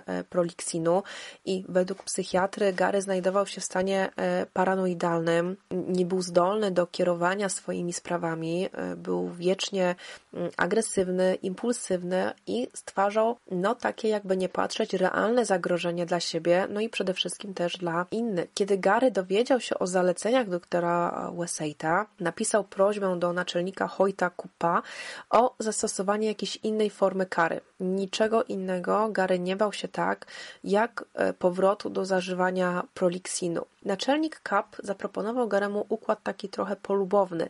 Przyniosą go do zakładu karnego w Marion w stanie Illinois, gdzie e, środki bezpieczeństwa były na o wiele wyższym poziomie niż w obecnym e, zakładzie karnym Salem. Z przeniesieniem Garego jest też taka ciekawa historia, która wtedy była niezrozumiała, ale patrząc na e, dalsze wydarzenia, układały się one w taką jedną logiczną całość. Mianowicie, gdy Gary był przenoszony, poprosił swojego kolegę Rogera z sąsiedniej celi, aby ten narobił trochę hałasu. Gary jakby początkowo zgodził się na te przenosiny, ale potem jednak zmienił zdanie i chciał opuścić więzienie z takim przytupem można tak powiedzieć. Jednak gdy dochodziło już do tego mm, przeniesienia i Gary wychodził z celi, Roger, no tak zgodnie z umową, e, zaczął robić ten hałas, to Gary e, go uciszył, mówiąc, że wszystko jest w porządku i chciał tylko sprawdzić, czy nadal Roger jest jego przyjacielem. I tutaj też Wam chciałam przytoczyć e, najbardziej istotną kwestię, ten dialog między Rogerem z Garym. Roger wyciągnął rękę. No, dobra, to trzymaj się, powiedział. Tak, odparł Gary, ściskając mu dłoń. Może kiedyś się spotkamy, a teraz muszę sobie jeszcze poszukać dwóch mormonów. Roger myślał potem trochę po tych ostatnich słowach Garego, cóż one mogły znaczyć. Patrząc na to, co Gary zrobił półtora roku później, jego ostatnie słowo do Rogera nabrały znaczenia. Niestety też od listopada 1975 roku zaczął rozwijać się u Bessie e, artretyzm, więc Gary robił wszystko, e, robił petycje do władz więziennictwa, e, aby z powrotem przeniósł go do zakładu karnego w Oregonie. Chciał uzyskać nawet zwolnienie warunkowe, by po prostu zaopiekować się schorowaną matką, której było no, już coraz ciężej nawet robić podstawowe czynności.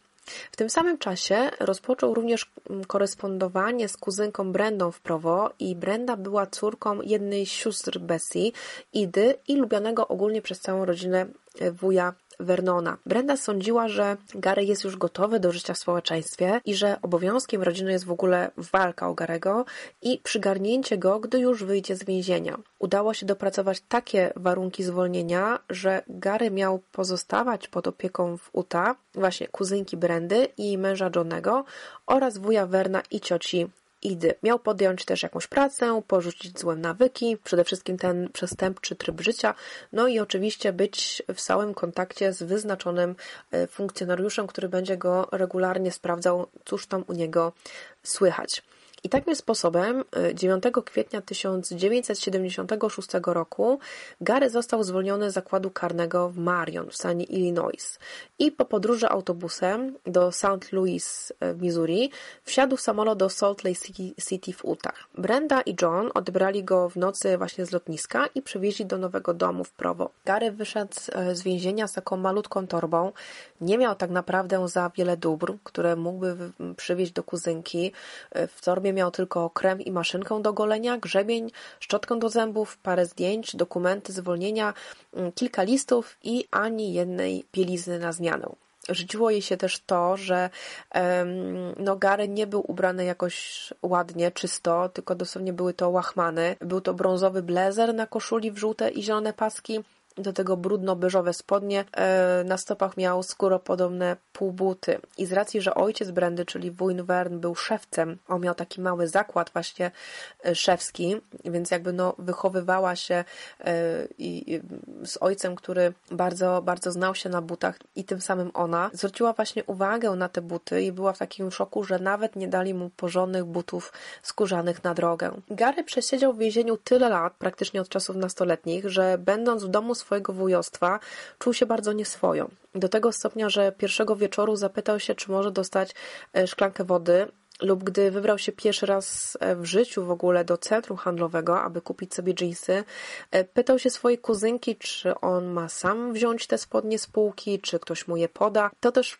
pokazuje, wiecie, jak Gary był trochę nieprzyzwyczajony do wielu takich sytuacji, takich prostych, codziennych sytuacji, które dla nas nie są w ogóle niczym nadzwyczajnym, a dla niego nawet e, kupno spodni e, no, sięgało do rangi wręcz jakiegoś e, wyczynu. Gary zgodnie z nakazem miał rozpocząć pracę, więc rozpoczął tę pracę w zakładzie szewskim swojego wuja, gdzie miał zarabiać 2,5 dolara za mm, godzinę. I Gary mm, miał opinię bardzo dobrego pracownika, był bardzo dokładny, uprzejmy i miły. Problemem było jedynie to, aby e, dostarczać mu jakby takiego regularnego zajęcia, ponieważ no nie był jeszcze na tyle wprawiony, aby móc samodzielnie naprawiać buty.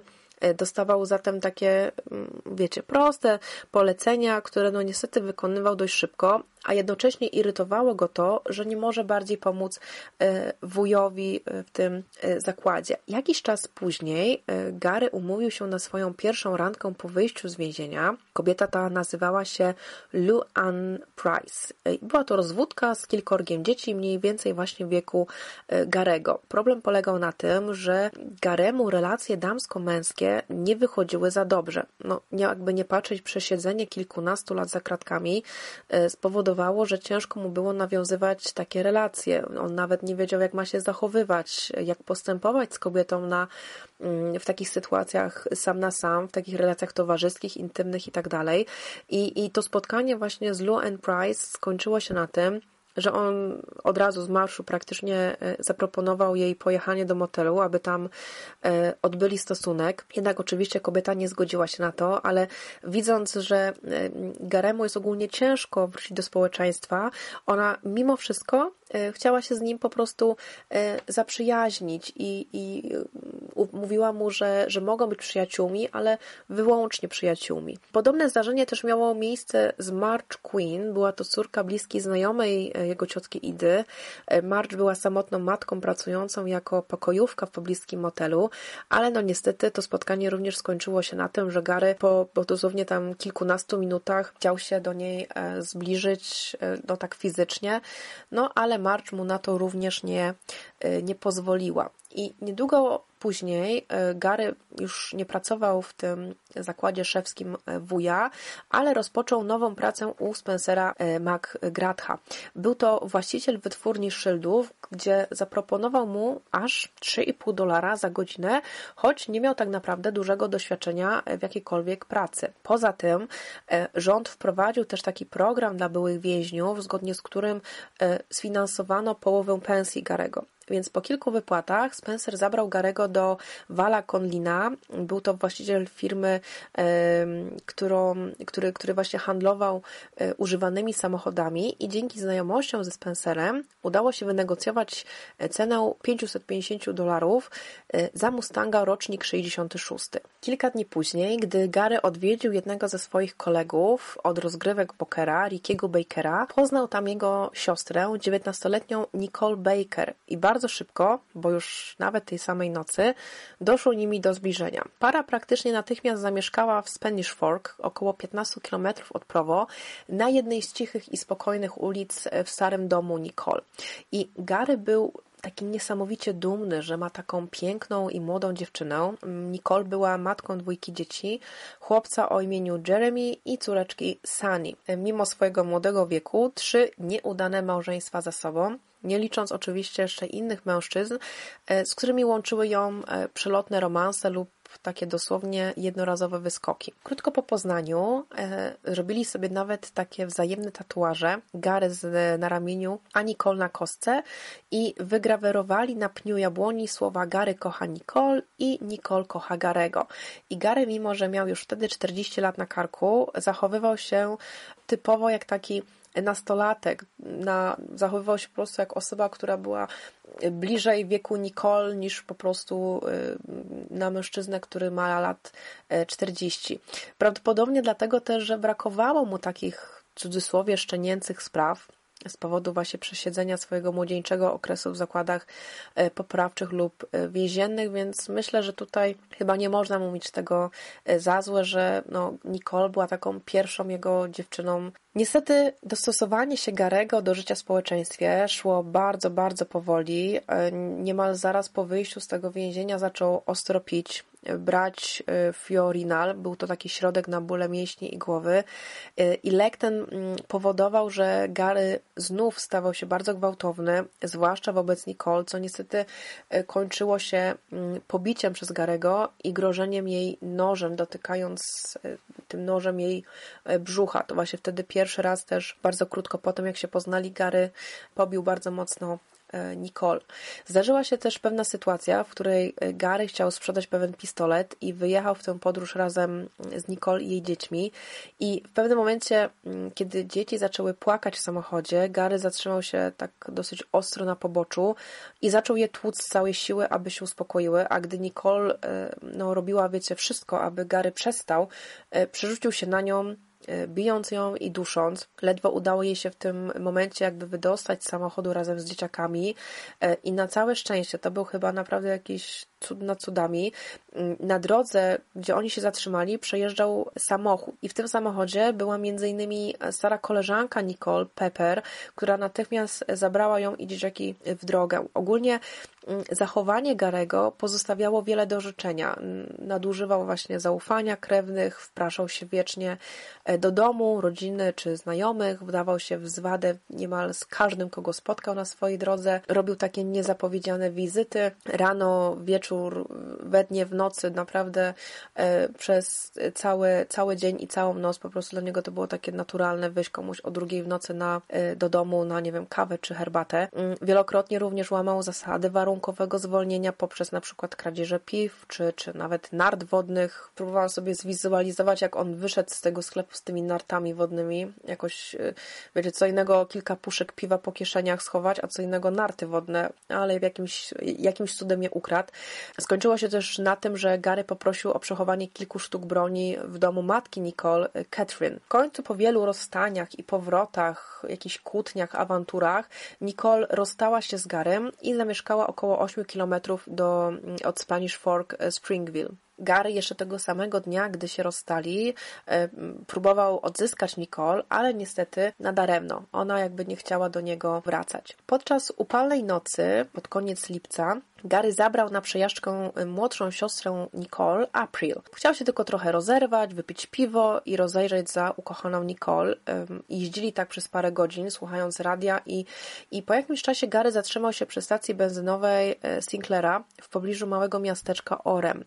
Nakazał April, aby zaczekała w samochodzie, a on sam wszedł sobie na teren stacji i zastał tam tylko 26-letniego e, pomocnika, pracownika Maxa Jensena, męża Colin Jensen i ojca córeczki Moniki, ale przede wszystkim bardzo przykładnego i wierzącego członka Kościoła Jezusa Chrystusa Świętych w dniach e, ostatnich. Oprócz Maxa nie było nikogo innego, nie było żadnych innych osób z obsługi, czy też właśnie klientów, więc Gary wyciągnął e, z kieszeni kurtki pistolet automatyczny kalibru 22 e, i kazał Maxowi wyjąć gotówkę z kieszeni, zabrał mu też torbę z utargiem, mówiąc właśnie, że to jest napad. Następnie zaprowadził mężczyznę na zaplecze, nakazał mu się położyć na podłodze, wsunąć, e, wsunąć ręce pod brzuch i gdy leżał w tej pozycji, podszedł do niego, przyłożył mu ten pistolet do głowy i pociągnął dwa razy za spust. Powiedział, że jeden strzał jest za niego, a drugi za Nicole. I jak gdyby nigdy nic, wrócił do furgonetki, gdzie nadal grzecznie, zgodnie z prośbą czekała na niego April. Też jakby przeczuwała, że coś jest nie tak. April też z tego, co czytałam, miała pewne problemy też takiej natury psychicznej.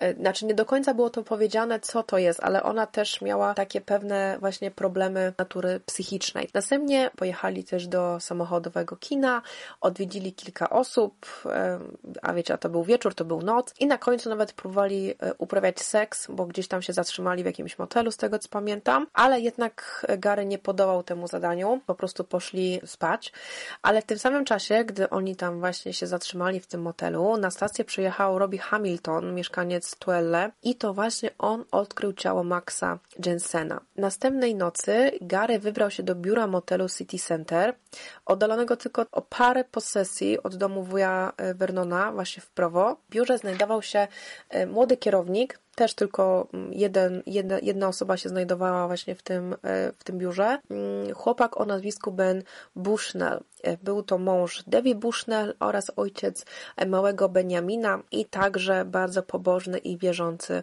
człowiek. Gary nakazał mu położyć się na podłodze, podobnie jak w przypadku Maxa, i strzelił mu w tył głowy. I aby nie wyjść z niczym, zabrał e, tę całą kasetkę z pieniędzmi jakie Ben posiadał właśnie w swoim e, biurze.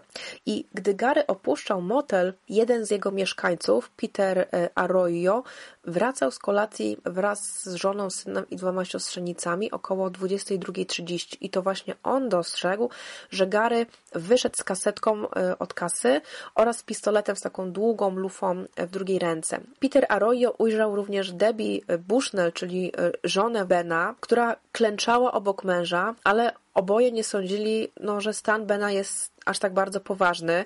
Debbie cały czas trzymała dłonią rany na głowie męża, próbując zatamować krwawienie, a tej krwi to już naprawdę było, było na pół podłogi, a Peter mm, próbował taką łamaną angielszczyzną wezwać pomoc, próbował wytłumaczyć, gdzie jest, co, co, co się stało i, i, i jaka jest po prostu ogólnie e, sytuacja. Po zabójstwie Bena Gary chciał pozbyć się tej broni i wyrzucić ją w najbliższych krzakach, ale niestety broń niefortunnie dla niego wystrzeliła raniąc go w kciuk. Dłoń Garego bardzo mocno krwawiła do tego stopnia, że e, zostawiała za nim śla e, świeże ślady krwi i Gary w tym czasie miał też pozostawiony samochód u mechanika, a z radia nadawano wydawano komunikat o napadzie w motelu City Center, więc to poszło lotem błyskawicznym i coś mówiło obecnym w warsztacie mężczyznom, że właśnie Gary mógł mieć e, jakiś związek z tym napadem. I jeden z pracowników zapisał sobie numery rejestracyjne samochodu Garego i zadzwonił na policję, aby zgłosić, że według niego to Gilmore jest osobą odpowiedzialną za napad. E, ustosunkował to tym, że mm, Gilmore mocno krwawił, ale dyspozytorka policyjna potrzebowała tylko krótkiego rysopisu Garego, ponieważ już wcześniej go opisał. Być może e, właśnie Peter Arroyo. Szybko policja i drużyna SWAT otoczyła Garego, który ukrywał się niedaleko u Craiga Taylora. Oskarżono go o zamordowanie e, Bushnella. I całej tej akcji przyglądał się wuj e, Garego, Vern, a do złapania Garego w dużej mierze przyczyniła się jego kuzynka Brenda, która udała się do Garego, będąc w zmowie właśnie e, z policjantami i słotem. Po jego aresztowaniu Gary został przewieziony mm, w pierwszej kolejności do szpitala, aby opatrzyć jego zranioną dłoń, a następnie do aresztu miejskiego w Prowo. Towarzyszył mu porucznik policji Gerald Nielsen, który również przesłuchiwał go w areszcie. Oczywiście mm, no, Gary wszystkiemu początkowo zaprzeczał, mówił, że to w ogóle nie tak było, że on się tylko bronił, że to wyszło tak zupełnie inaczej, jak miało wyjść. E, jednak Nielsen był takim typem porucznika, który bardzo szybko wzbudził zaufanie Garego i e, do tego stopnia, że dosłownie po kilku godzinach Gary przyznał się do morderstwa, mówiąc, że nie wie dlaczego to zrobił. I tutaj cytat: Zrobiło to bez powodu. Nie nadążam za życiem. Następnego dnia Gary został przewieziony do Orem wraz z porucznikiem Nielsenem, gdzie porucznik Skinner podpisał skargę obciążającą Garego za zabójstwo Maxa Jensena. Muszę też zaznaczyć, że morderstwa działy się w dwóch różnych miasteczkach, Prowo i Orem, więc podlegały e, dwóm różnym jurysdykcjom. Gary wtedy również pierwszy raz od dawna rozpłakał się i stwierdził, że ma nadzieję, że zostanie stracony za to, co zrobił tym dwóm mężczyznom. Nie był gotowy na śmierć i nie chciał umierać, ale uważał, że powinni go stracić za to, co zrobił. Jego obrońcą z urzędu w sprawie y, Sprowo został Mike Esplin, ale w sprawach o morderstwo pierwszego stopnia oskarżonego może bronić dwóch adwokatów, więc Esplin zorganizował drugiego adwokata, Craiga Snydera. Ponadto Nicole i Gary pogodzili się. Nicole miała ogólnie też um, wyrzuty sumienia, że zostawiła Garego, więc przychodziła do więzienia albo do szpitala psychiatrycznego, do którego też w pewnym momencie e, wsadzili Garego praktycznie codziennie, aby go po prostu wspierać. Rodzina i przyjaciele próbowała wyperswadować pomysł tą całą miłością do Garego, jakby nie patrzeć, e, miał spędzić przy no, dobrych okolicznościach resztę życia w więzieniu lub jeśli zostałby skazany na karę śmierci, to i tak straciliby go za niedługi czas. Nicole jednak upierała się, że przetrwa to wszystko i cały czas będzie przy Garym. W pierwszej części Piersikata można znaleźć e, liczne listy, jakie Gary pisał do Nicole, pisywał praktycznie codziennie, czy to będąc w zakładzie psychiatrycznym, czy też właśnie w zakładzie karnym. Opisywał przede wszystkim otaczającą go codzienność, e, ludzi, oczywiście też cały czas wyznawał miłość, ale również pisał o tym, co będzie, gdy on umrze. Mm, więc ta wizja skazania go na karę śmierci wciąż gdzieś siedziała mu z tyłu głowy i realnie zdawał sobie sprawę z tego, że śmierć może go spotkać. Cole, mimo że bardzo kochała Garego, miała jednak no, według mnie dość mocną wadę. Nie była ona e, monogamistką, nie była kobietą, która jest e, wierna jednemu mężczyźnie. Mm, jak już wspominałam wyżej, mimo swoich 19 ledwo lat, miała w swoim życiu już trzech mężów, licznych kochanków, naprawdę licznych. E, zmieniała ich praktycznie codziennie, co tydzień. Podobnie było, gdy Gary był w więzieniu. Codziennie sypiała z kimś innym, a mimo wszystko kochała najmocniej Garego i mam wrażenie, że ona uważała seks za coś zupełnie innego niż miłość. E, wiecie, seks to seks. Miał jej dawać tylko e, poczucie takiego fizycznego spełnienia, a miłość do Garego to zupełnie było coś innego, było na zupełnie innym poziomie.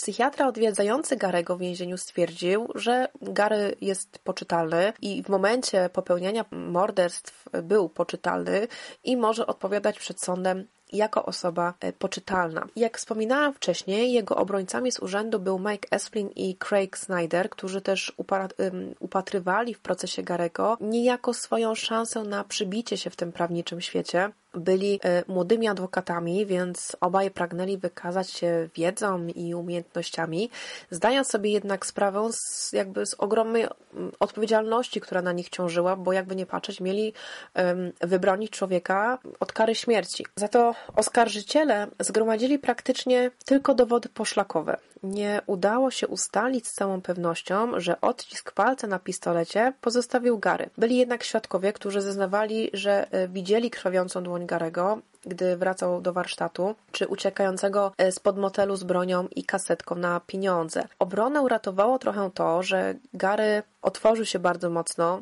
bez obecności swoich obrońców, e, porucznikowi Nielsenemu a co nie powinno zostać uznane jako dowód w sprawie, ponieważ według obrońców porucznik pogwałcił prawo obwinionego. Z racji, że nie była to rozprawa zasadnicza, a podczas tego przesłuchania sędzia przychylił się do prośby obrony i y, faktycznie y, nie uznał tego zeznania przed porucznikiem jako właśnie dowód w sprawie. Mimo wszystko i tak ta treść zeznania rozniosła się lotem błyskawicznym, a to oznaczało raczej no, ciężki kaliber dla e, ustanowienia jakiejkolwiek logicznej i mocnej obrony. Najbardziej chyba takim wymownym dowodem na niekorzyść Garego były ślady prochu świadczące, iż e, przytknął on lufę do głowy Bushnella. Chodziło o to, że ewidentnie było to zabójstwo e, z premedytacją, z zimną krwią. W stanie Utah proces o morderstwo w tamtym okresie odbywał się dwufazowo. Nie wiem jak jest aktualnie, może ktoś się zna na prawie amerykańskim, to proszę o informację, bo akurat w ten temat się już nie zagłębiałam mocniej, ale właśnie w tamtym okresie mm, odbywało się to e, dwufazowo. Jeżeli oskarżonego uznano winnym morderstwa pierwszego stopnia, wkrótce potem odbywała się tak zwana rozprawa mitygacyjna. E, można było wówczas e, powoływać świadków wydających opinie na temat charakteru oskarżonego. Były to no, albo pozytywne, albo negatywne. I po wysłuchaniu tych zeznań ława przysięgłych udawała się drugi raz na naradę i rozstrzygała pomiędzy karą śmierci a dożywociem. Jednak Gary odmówił czegoś takiego. Nie chciał przede wszystkim, aby Nicole uczestniczyła w roli świadka, w ogóle nie wskazywał na żadnych świadków, czy to ze strony rodziny, czy to ze strony przyjaciół, znajomych, kogokolwiek. Więc e, obrońcy mieli kolejny problem, jakim był brak współpracy z Garym. Uparli się oni również, aby um, odnaleźć jakiekolwiek powiązania z chorobami psychicznymi. Chcieli ściągnąć nawet jednego z byłych psychiatrów e, Garego, właśnie doktora Waysarta, który wystawiał w październiku 74 roku wpis odnośnie Garego. Pozwolę sobie tutaj zacytować, co on stwierdził. Uważam, że Gary znajduje się w stanie obłędu, gdyż nie jest zdolny określić, co leży w jego dobrze pojętym interesie. Całkowicie nie panuje nad odruchami wrogości i agresji. W moim odczuciu całkowicie usprawiedliwione jest podanie Gilmorowi środków medycznych wbrew woli, ponieważ stwarza on poważne problemy innym pacjentom i całej instytucji. Aktualny psychiatra dr Woods e, próbował wyperswadować młodym adwokatom ten pomysł. Nie pomogło. E, wciąż e, próbowali zdobyć orzeczenie stwierdzające, że Gary padł ofiarą choroby umysłowej. Jednak no, Gary nie był w ogóle zadowolony z takiej linii obrony i w liście do Nicole pisał Snyderowi i Esplinowi chodzi wyłącznie o przygotowanie sobie gruntu dla apelacji. Stan płaci im za taki sposób myślenia. Nie twierdzę, że im płacą za to, żeby mnie sprzedali. Aż tak mi nie odbiło. Ale oni są obrońcami z urzędu i nie przekładają się jak należy. Oni mi zapewnią najwyżej pseudoobronę. Proces został wytoczony w ramach jurysdykcji Sądu Powiatowego Okręgu Utah, a proces sprowadził sędzia Bullock, a oskarżycielem został Noel Wootton. Nie chcę Wam tutaj y, opowiadać całego wstępnego procesu, bo to było naprawdę wiele, wiele, wiele, wiele stron y, zapisów, dialogów, pytań, odpowiedzi, ale Reasumując wszystko, w 1976 roku, 7 października, e, ława przysięgłych udała się na naradę. Tego samego dnia rozpoczęła się rozprawa mitygacyjna, czyli to, co Wam wyżej wspominałam, było to ustalenie, czy Gary dostanie dożywocie, czy też karę e, śmierci. Po kilku godzinach dwunastu ławników e, jednomyślnie oświadczyło, że ich werdyktem jest kara śmierci dla Garego Gilmora. Sędzia tylko spytał, czy Gary chce wybrać sposób egzekucji i Gary wybrał rozstrzelanie przez pluton egzekucyjny. W późniejszym etapie wytłumaczę Wam, e, dlaczego Gary wybrał taką opcję.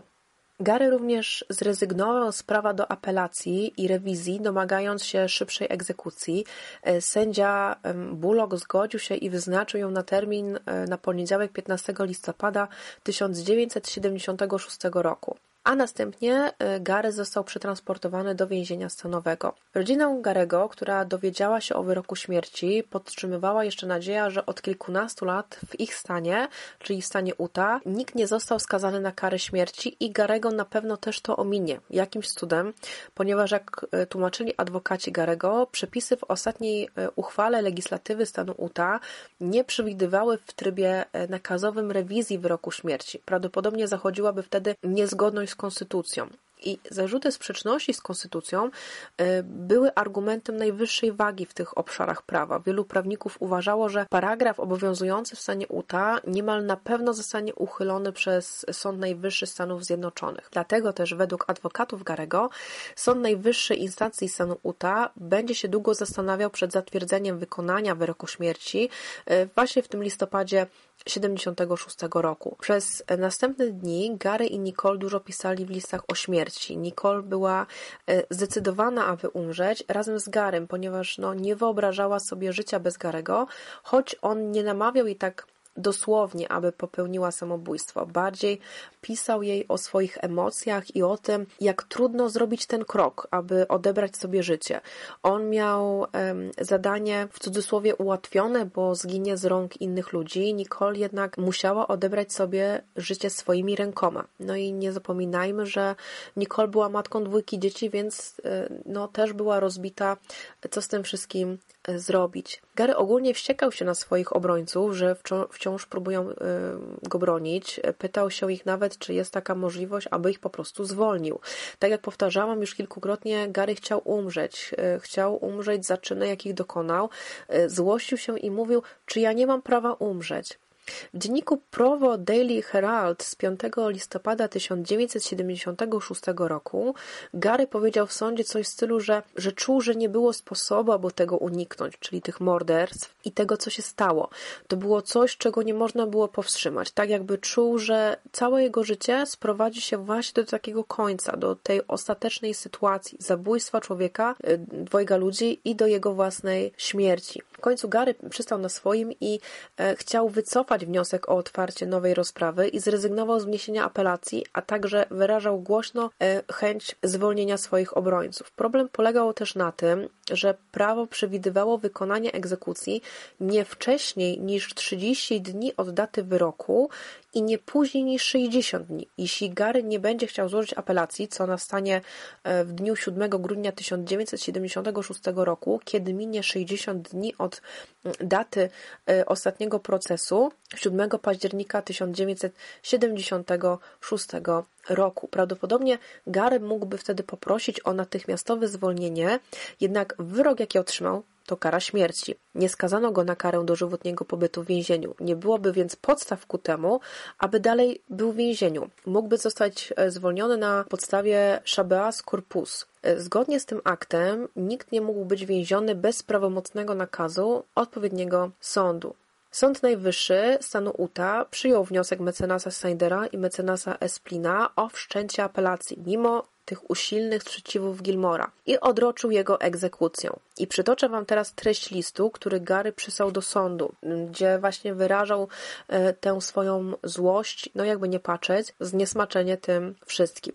Czyżby mieszkańcom Uta zabrakło odwagi na miarę przekonań? Ludzie, wydajecie wyrok śmierci na człowieka, na mnie, kiedy ja ten najskrajniejszy wymiar kary przyjmuję z powagą i godnie. Wtedy wy, społeczeństwo Uta, wycofujecie się, by prowadzić o to ze mną spory. Jesteście niepoważni. Sprawą Garego zainteresował się były adwokat, a w tamtym okresie też publicysta Denis Boas. I Gary poprosił go o zostanie jego nowym obrońcą po tym, jak zwolnił mecenasów Snydera i Esplina. Boas w ogóle w późniejszym e, czasie był e, mocno krytykowany na tym, że zarabia bardzo no, grube pieniądze na, na sprawie Garego.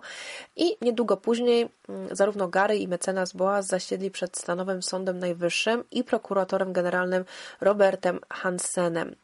E, wyrok Stanowego Sądu Najwyższego podtrzymało prośbę Garego i uchylono odroczenie terminu egzekucji głosami 4 do 1. Gary ponownie głośno wyrażał swoje niezadowolenie, że ktoś e, próbuje powstrzymać go przed stanięciem przed plutonem egzekucyjnym. E, dziennik The Bulletin z dnia 11 listopada 1976 roku napisał, że Gary Gilmore wierzył w to, że miał uczciwy proces i wyrok jest sprawiedliwy. Jak donosił również dzięki dziennik Provo Herald z 11 listopada 1976 roku, gubernator Utah Calvin Rapton zwrócił się do stanowej komisji ułaskawień o dokonanie rewizji wyroku Garego podczas właśnie wstępnego posiedzenia e, planowanego na dzień 17 listopada 1976 roku oraz o rozstrzygnięcie, czy kara śmierci jest uzasadniona. Gary ponownie kolejny raz wyrażał swoje niezadowolenie, że ktoś próbuje powstrzymać go przed stanięciem przed plutonem egzekucyjnym i The Daily Pennsylvanian z 12 listopada 1976 roku zacytował Garego, który powiedział powinienem umrzeć jak mężczyzna. E, przeczytałam również w dzienniku San Bernardino Sun e, z 14 listopada 1976 roku, ale również inne dzienniki o tym pisały, że Gary rozważał chęć poślubienia e, Nicole, zanim jeszcze zostanie stracony, ale z tego co doczytałam, to służby więzienne więzienne nie otrzymały żadnego oficjalnego pisma z takową prośbą, ale wcale by mnie to nie zdziwiło, gdyby Gary faktycznie chciał poślubić Nicole, ale może też z drugiej strony nie chciał jakby złożyć tego, tego, tej prośby, bo nie chciał e, wpakować Nicole w jej czwarte małżeństwo po to, e, aby zaraz została, no jakby nie patrzeć, bardzo młodą wdową. W wydaniu z 14 listopada 1976 roku Provo Daily Herald przeczytałam ciekawostkę, że Gary nie jest pierwszym skazańcem, który poprosił o wykonanie na nim kary śmierci, e, ponieważ e, w roku 1938 niejaki John Deering, który zamordował biznesmena Olivera Meredita Jr., również zażyczył sobie egzekucję poprzez rozstrzelanie i taki wyrok właśnie został na nim wykonany. 16 listopada 1976 roku, we wtorek dzień po wyznaczonym terminie egzekucji, Nicole przyjechała do więzienia, aby widzieć się z Garem. Jakimś cudem, e, kiedy byli sami e, na sali widzeń, gdzie zawsze Gary był otoczony, wiecie, strażnikami i tak dalej, i tak e, udało jej się mm, zorganizować 50 pigułek, mm, tabletek Sekonalu, i 20 tabletek Dalmane i podzieliła te tabletki porówno e, i ukryła w balonikach, które z kolei ukryła w takim dość nietypowym miejscu, ponieważ schowała je głęboko w swojej pochwie. Potem mieli problemy z ich wyciągnięciem, no trochę się tam musieli, e, znaczy Nicole musiała się trochę nagimnastykować, e, żeby je wyciągnąć stamtąd, a Gary swoją działkę schował do swojego odbytu. I tak jak zapowiadali wcześniej, próbowali popełnić wspólne samobójstwo. Nicole odnaleziono w jej domu przytuloną do zdjęcia Garego i w stanie krytycznym przewieziono do szpitalu Utah Valley i podłączono pod wszelkie możliwe maszyny, choć nie dawano jej nawet 50 e, szans na przeżycie.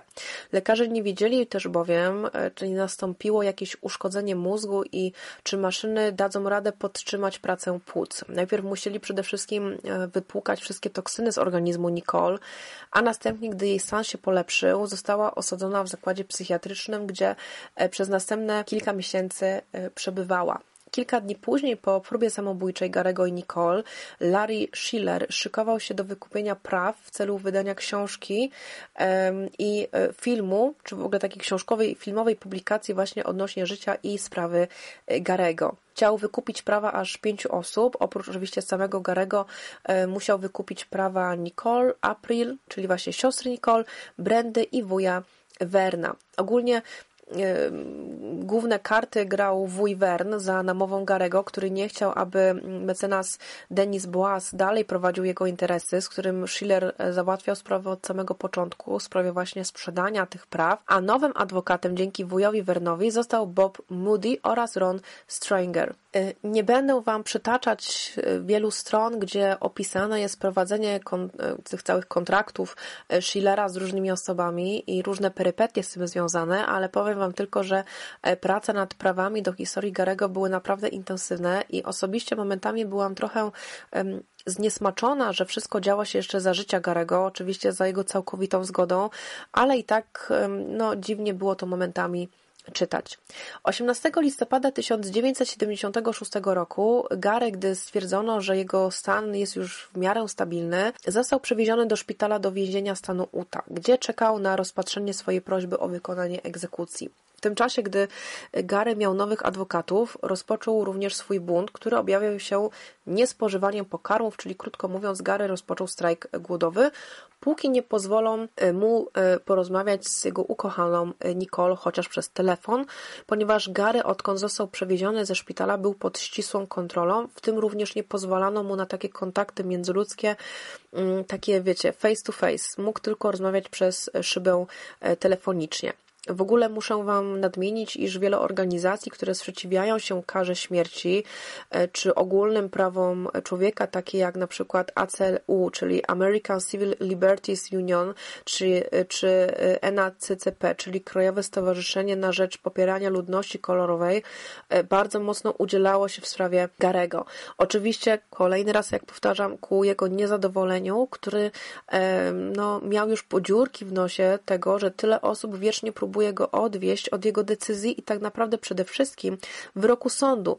Tak jak zacytowano jego słowa m.in. Times News Twins Fall z 5 grudnia 1976 roku But out of my life. Myślę, że łatwo sobie przetłumaczyć, co te słowa e, znaczą. Te słowa były skierowane do wszystkich instytucji chroniących życie, e, które do ostatniej chwili jego życia próbowały zatrzymać egzekucję. Aczkolwiek, jak donosił dziennik Santa Cruz y, Sentinel z dnia 25 listopada 1976 roku, prócz głosów przeciwko karze śmierci, było wiele głosów, które głośno wyrażały zdanie, że czekają na dzień, w którym Gilmore zostanie rozstrzelany. A w Utah Daily Chronicle y, z 1976 roku, mm, dokładnie z 18 listopada, znalazłam list czytelnika do gazety, który pisał, że obrońcy Gilmora zapominają, że roz rozstrzelany ma być mężczyzna, który zamordował z zimną krwią dwie osoby, a nie ma zostać rozstrzelany człowiek, który od tak po prostu chodził sobie po ulicy. W tym samym wydaniu e, jeden z artykułów został zatytu zatytułowany Gilmore must die, czyli Gilmore musi umrzeć. To też pokazuje, jak bardzo skrajne emocje wywoływała cała ta sprawa, zarówno obrońców życia, obrońców Garego i przeciwników w ogóle kary śmierci e, było tyle samo, co jego przeciwników i e, chętnych na postawienie go przed plutonem egzekucyjnym choćby za 5 minut. Z dziennika Utah Daily Chronicle z 3 grudnia 76 roku krzyczały też takie nagłówki w stylu najlepsze show na świecie, popcorn, orzeszki, weź autograf na zakrwawionej koszulce z prawdziwymi dziurami po kulach. Tego typu nagłówki czy wpisy wywoływały mm, u mnie osobiście e, pewnego rodzaju zniesmaczenie, Y, okej, okay, może faktycznie toczyła się medialna batalia y, z Garym, jego adwokatami, obrońcami, przeciwnikami, sądami, rodziną, etc., ale mimo wszystko tak to było dla mnie takie bardzo dziwne momentami. Została w końcu ustalona kolejna data egzekucji na dzień 6 grudnia 1976 roku, ale 3 grudnia 1976 roku Sąd Najwyższy Stanów Zjednoczonych zezwolił na zawieszenie wykonania wyroku. I w całą akcję o wstrzymanie egzekucji wystąpiła też Bessie Gilmore, która e, wystosowała publiczną petycję o wstrzymanie tej egzekucji. Gary jednak wystosował publiczny list, który został oczywiście opublikowany przez różne dzienniki, m.in. przez e, Provo Daily Herald z dnia 6 grudnia 1976 roku, e, gdzie Gary pisał o tym, że bardzo, bardzo kocha swoją matkę i prosi ją o wycofanie zawieszenia wykonania wyroku. Napisał też do niej takie zdanie: Wszyscy umieramy, nic wielkiego, zaakceptuj mój los. Także jego brat, Michael Gilmore, walczył o to ze swoimi adwokatami, aby egzekucja się nie odbyła. Nie będzie nowością, że Gary był wściekły i wciąż otrzymywał e, głodówkę i nie pozwolono mu i tak nadal kontaktować się e, z Nicole. Gary naciskał na Schillera i swoich adwokatów, aby coś z tym zrobili, bo dopóki nie pozwolą mu zadzwonić, nie będzie jadł, a jego głodówka e, trwała już od prawie trzech tygodni. Gary również e, wielu osobom, nie tylko rodzinie, ale i kolegom z różnych więzień e, przekazał różne sumy pieniędzy, które miał otrzymać ze sprzedaży swojej historii. Bessie Gilmore dostała m.in. 1000 dolarów, które osobiście zawieźli jej Vern i Ida na osobiste polecenie Garego. 13 grudnia 1976 roku w godzinach porannych Sąd Najwyższy uchylił zawieszenie wykonania wyroku, uzasadniając to tym, że e, Gary kierował się najlepszą wiedzą i inteligencją, odstępując od swych praw. Gary wtedy również zakończył trwającą 25 dni głodówkę. Uważał, że dużo osiągnie poprzez swoją głodówkę, ale tak się niestety nie stało. Nie pozwolono mu skontaktować się i tak z Nicole. Następnego dnia, to znaczy 14 grudnia 1976 roku, sędzia Bullock przesunął termin egzekucji na dzień 17 stycznia 1976 roku. Gary z tej ściekłości nazwał sędziego moralnym tchórzem, nie mającym odwagi stwierdzić włas zatwierdzić własnego wyroku, wciąż odkładającym egzekucję. Tak zacytował go dziennik Desert Sun z 15 grudnia 1976 roku. Z racji, iż termin odłożono praktycznie za miesiąc, e, próbował ponownie popełnić samobójstwo, e, zażywając 16,2 mg na 100 luminalu. Była to dawka śmiertelna, więc Gary na pewno miał zamiar ze sobą skończyć. Kolejny raz jednak udało mu się z tego wyjść i e, na kilka godzin przewieziono go do szpitala, odtruto i dosłownie na drugi dzień przewieziono z powrotem pod nadzór maksymalny. Ale Gary był wciąż tak struty luminalem, że nie był w stanie normalnie funkcjonować, mówić czy wręcz utrzymać się na nogach. W dzienniku San Bernardino e, San z 16 grudnia 1976 roku opublikowano wypowiedź Gilmora odnośnie przesunięcia egzekucji na styczeń. Powiedzcie im, aby dali mi wolność lub śmierć.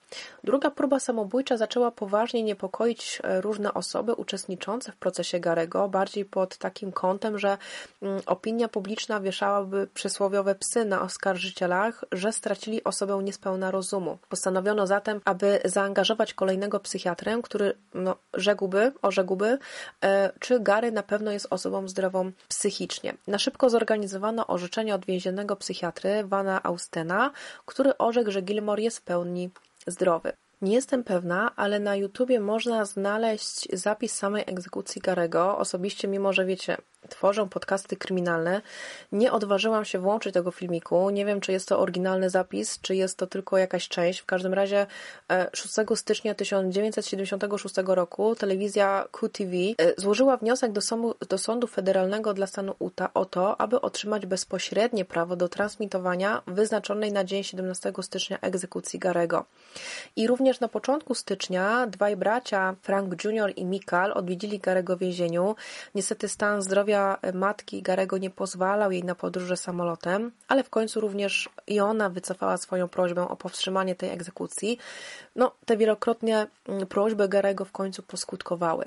Ciekawy news opublikował również dziennik Desert Sun z 12 stycznia 1977 roku, który mówił o tym, że rodzina Garego mogłaby po jego śmierci starać się o wręcz milionowe odszkodowanie z tytułu pozwu niesłusznej śmierci, jeśli Gary zostałby stracony, a później Sąd Najwyższy uznałby karę śmierci w danym stanie za niezgodną z konstytucją. Powiem Wam też, że przez większość książki rozchodziło się o nic innego jak o pieniądze i toczące się boje między e, różnymi osobami o te pieniądze. Był na przykład pomysł, aby Gary oddał jakieś dwa nieduże przedmioty ze swoich rzeczy osobistych i w paru zdaniach opisałby, co to za przedmioty. E, następnie te przedmioty zostałyby przekazane do sejfu i zanim Gary by umarł, zostaliby powiadomieni wróżbici i jasnowidze z całego świata, żeby się w cudzysłowie włączyli dokładnie w momencie egzekucji i ustalili, co to były za przedmioty i co Gary napisał na kartce. Chciałbym Wam też przytoczyć e, krótki cytat z książki Mikala, w którym przeprowadził on z Garem rozmowę na, jego, na temat jego śmierci.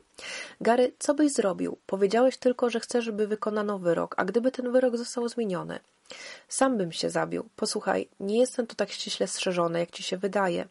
W trakcie ostatnich dwóch tygodni mogłem się zabić w każdej chwili, ale widzisz, pragnę lepszego rozwiązania.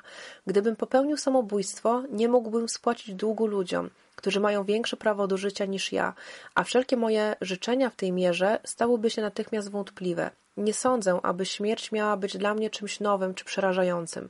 Myślę, że już tam byłem. Jeszcze wieczorem 16 stycznia 1977 e, roku cały czas próbowano, próbowano wstrzymać egzekucję Garego, ale na nic się to nie zdało. Gary w więzieniu dostał zgodę na kontakt bezpośredni i spędził wieczór pijąc potajemnie alkohol ze swoim wujem Vernem i adwokatami czy kuzynką Toni, córką wuja Verna i ciotki Idy, e, prowadząc takie udawane sparingi bokserskie, pogodne rozmowy, e, rozmawiał ze swoim ulubionym piosenkarzem Johnem Cashem. Chciałam Wam też przytoczyć ostatnią rozmowę Garego ze swoją mamą i bratem Mikalem, mm, Gary zwrócił się do swojej mamy: Nie płacz, mamo, kocham cię. Na co bestia odpowiedziała: Gary, jutro rano będę dla ciebie dzielna, ale wiem, że już nigdy nie przestanę płakać. Będę płakać każdego dnia przez resztę życia. Mikal powiedział, że będzie mu brakowało Garego i że wszyscy są z niego dumni, na co Gary odpowiedział: Tylko nie bądź ze mnie dumny, odparł. Co to znaczy być dumnym? Idę na rozstrzelanie za coś, co nigdy nie powinno się zdarzyć. Mnie osobiście bardzo poruszyły te dialogi, zwłaszcza słowa Bessie do Karego, ja jako matka nie umiem sobie wyobrazić, co musi przeżywać inna matka, która wie, że jej dziecko umrze, za jej życia tak naprawdę. Podobnie ciężko jest mi pojąć, co musiały czuć matki dwójki zamordowanych mężczyzn, którzy e, zostali pozbawieni życia przez Garego. Myślę, że w każdym przypadku jest swoista, ogromna i osobista tragedia dla matki, jako dla matki, niezależnie czy tutaj Bessie traci swojego syna mordercę, czy tam, gdzie matki straciły swoich e, ukochanych synów poprzez e, morderstwo. Poniedziałkowy poranek, 17 stycznia, wciąż czekano, czy sąd uchyli wykonanie egzekucji. Dosłownie do ostatnich godzin życia Garego próbowano zawiesić tę egzekucję, ale bezskutecznie. Egzekucja miała się odbyć już niedługo. Gary został zaprowadzony do magazynu z konserwami, tak zwanej puszkarni. Krzesło, na którym e, siedział Gary, było starym biurowym krzesłem, za którym znajdował się stary materac. Dalej worki z piaskiem e, i kamienna ściana magazynu. Koło ośmiu osób prawdopodobnie strażników przypinało Garego pasami. E, Larry Schiller, który był obecny na egzekucji Garego, zauważył, że wszystko było zapięte z parocentymetrowym luzem e, i bez problemu Gary mógłby wyswobodzić dłonie z tych więzów. I mimo wszystko, mimo że Gary miał za chwilę umrzeć, był nad wyraz spokojny. Cały czas kimś rozmawiał, a to do strażników, którzy go przypinali, do naczelnika e, więzienia i księdza pomieszczeniu w ogóle było bardzo dużo osób, w tym też adwokaci Garego, którzy e, nie ukrywali przerażenia całym wydarzeniem i wuj Garego Wern. Niestety mm, podczas egzekucji nie była obecna Nicole, która wciąż przebywała e, w zakładzie psychiatrycznym. Długo zastanawiałam się też nad tym, czy Gary chciałby, aby Nicole była obecna w czasie egzekucji. Nie byłam w stanie tego rozgryźć. Wiele osób podchodziło do Garego, e, zamieniało kilka zdań z nim i po prostu najzwyczajniej w świecie się z nim żegnało. Na końcu ojciec Mirsman udzielił mu ostatniego namaszczenia, następnie podeszło kilku mężczyzn i e, włożyli mu kaptur na głowę i wtedy już nie padło żadne słowo. Mimo rozbieżności co do tego, jakie były ostatnie słowa Garego, jedna wersja twierdzi, że Gary powiedział just do it, zróbmy to, a Michael Gilmore w swojej książce napisał, że po latach dowiedział się, że ostatnimi słowami Garego były zawsze będzie jakiś ojciec. W pieśni Kata było to wytłumaczone w taki sposób, że Gary zwrócił się do ojca Mirsmana w języku łacińskim Dominus vobiscum. Było to pozdrowienie, którym ojcem Mirsman pozdrawiał w czasie sprawowania mszy świętej przez kilkadziesiąt lat swojej posługi kapłańskiej i odpowiedź brzmiała wtedy et cum spiritu tuo. Gdy Gary z ojcem Mirsmanem pozdrowili się takimi słowami, Gary powiedział do ojca Mirsmana, Mirsman zawsze się znajdzie. Chciał przez to powiedzieć, że w takiej chwili zawsze obecny jest jakiś ojciec, kapłan, tak? Jakiś, jakiś, jakaś osoba duchowna. Tak właśnie później to tłumaczył ojciec Mirsman. Według świadków Gary tak bardzo chciał umrzeć godnie, że nie zaciskał nawet pięści, gdy zaczęło się odliczanie i w momencie, gdy padły strzały, e, ciało Garego nie podskoczyło, nie drgnęło też na tym krześle, mm, e, ale po chwili jego prawa ręka e, uniosła się w powietrze, a następnie powoli, tak jakby chciał powiedzieć, że okej, okay, sprawa już załatwiona. Następnie przyszedł lekarz do niego ze, ze stetoskopem i stwierdził, że Gary jeszcze żyje, ale już po kilkunastu sekundach, bodajże po 15-20 sekundach o godzinie 8.08, gdy ponownie go osłuchał, oznamił, że Gary Gilmore nie żyje. I zgodnie z prośbą Garego jego ciało zostało przewiezione do szpitala uniwersyteckiego, gdzie pobrano organy do transplantacji, w tym oczy Garego i przysadkę mózgową, która notabene miała być przekazana dla córki kuzynki Brandy Christie, a następnie pobrany z niej ekstrakt y, hormonów. Nie jestem niestety po medycynie, próbowałam wyczytać, czy faktycznie takie coś jest możliwe, więc jeśli jest lub nie jest, to poproszę o, o poprawkę, y, poprawkę osoby, które się na tym znają. Y, ale następnie też przystąpiono do zwykłej e, sekcji zwłok, szukano też różnych odchyleń, na, przykład w jego mózgu, czy nie było jakichś guzów, ale jako ciekawostkę powiem Wam też, że dziennik, dziennik Daily Tar Hills 19 listopada 1976 roku napisał, że IQ Gilmora wynosiło około 135. Według relacji lekarzy serce Garego było wręcz poszatkowane i nie było w ogóle opcji, aby cokolwiek czuł. I po dokonanej sekcji ciało Garego miało zostać spopielone, dlatego jego następnym przystankiem, że tak to ujmę, było e, krematorium. I miał też życzenie, aby jego prochy zostały rozsypane w kilku miejscach e, w Spanish Fork, Springville i Provo. I tak też uczy Niono. 17 stycznia 1977 roku e, dziennik Utak Daily Chronicle napisał, że mm, na bodajże pierwszej stronie taki artykuł w ramce, w takiej czarnej ramce, ku pamięci i dali taką adnotację, dlaczego zabijamy ludzi, którzy zabili ludzi, żeby pokazać, że zabijanie ludzi jest złe. A dzień później jeden z czytelników opublikował nawet taki dosyć obszerny i długi wiersz na temat całej sprawy Garego i to były takie jego mm, odczucia i ogólne przemyślenia na temat właśnie tej e, sprawy, procesu i tak dalej. 18 stycznia również The Stanford Daily napisał o tym, że należy zmienić prawo stanowe tak, aby umożliwić automatyczną rewizję wyroków śmierci, a dwa dni później, 20 stycznia, Daily Kent Starter napisał, że stan Utah zrobił pierwszy krok w kierunku uczynienia społeczeństwa moralnym, e, pozbawiając niemoralnych ludzi i że według nich zasługuje stan Utah e, zasługuje na gratulacje i nie mogło być innego rozwiązania niż egzekucja Gilmora. Za to dziennik American Eagle z 21 stycznia 1977 roku napisał przeciwieństwie tego, co dał Daily Kent Starter, że po 10 latach cywilizacji w Stanach Zjednoczonych wszyscy cofnęli się do barbarzyństwa. Dziennik podkreślał, że żądza krwi zarówno mediów, jak i społeczeństwa była bardziej przerażająca niż sama egzekucja Gilmora. Czytałam też, że ogólnie sprawą Garego zainteresowały się nie tylko dzienniki z całych Stanów Zjednoczonych, ale przytaczano również artykuły z dzienników e, angielskich, niemieckich czy też krajów skandynawskich. To też pokazuje, jak na ogromną skalę medialną e, zyskał rozgłos e, sam Gary Gilmore i jego batalia z sądami i w ogóle chęć śmierci. Myślę też, że teraz jest taki dobry moment, aby wytłumaczyć Wam, dlaczego Gary chciał umrzeć poprzez rozstrzelanie i jaki ma to związek z zadośćuczynieniem krwi. Otóż w Kościele Jezusa Chrystusa Świętych w dniach ostatnich, wiele, wiele, wiele, wiele lat temu, kiedy praktycznie wiara ta dopiero się kształtowała, był pogląd wczesnych przywódców Kościoła, zwłaszcza jednego z nich, e, przywódcy Younga, e, gdzie obowiązywała doktryna nazwana Blood Atonement, co można właśnie przetłumaczyć jako odkupienie przez krew, zadośćuczynienie krwi.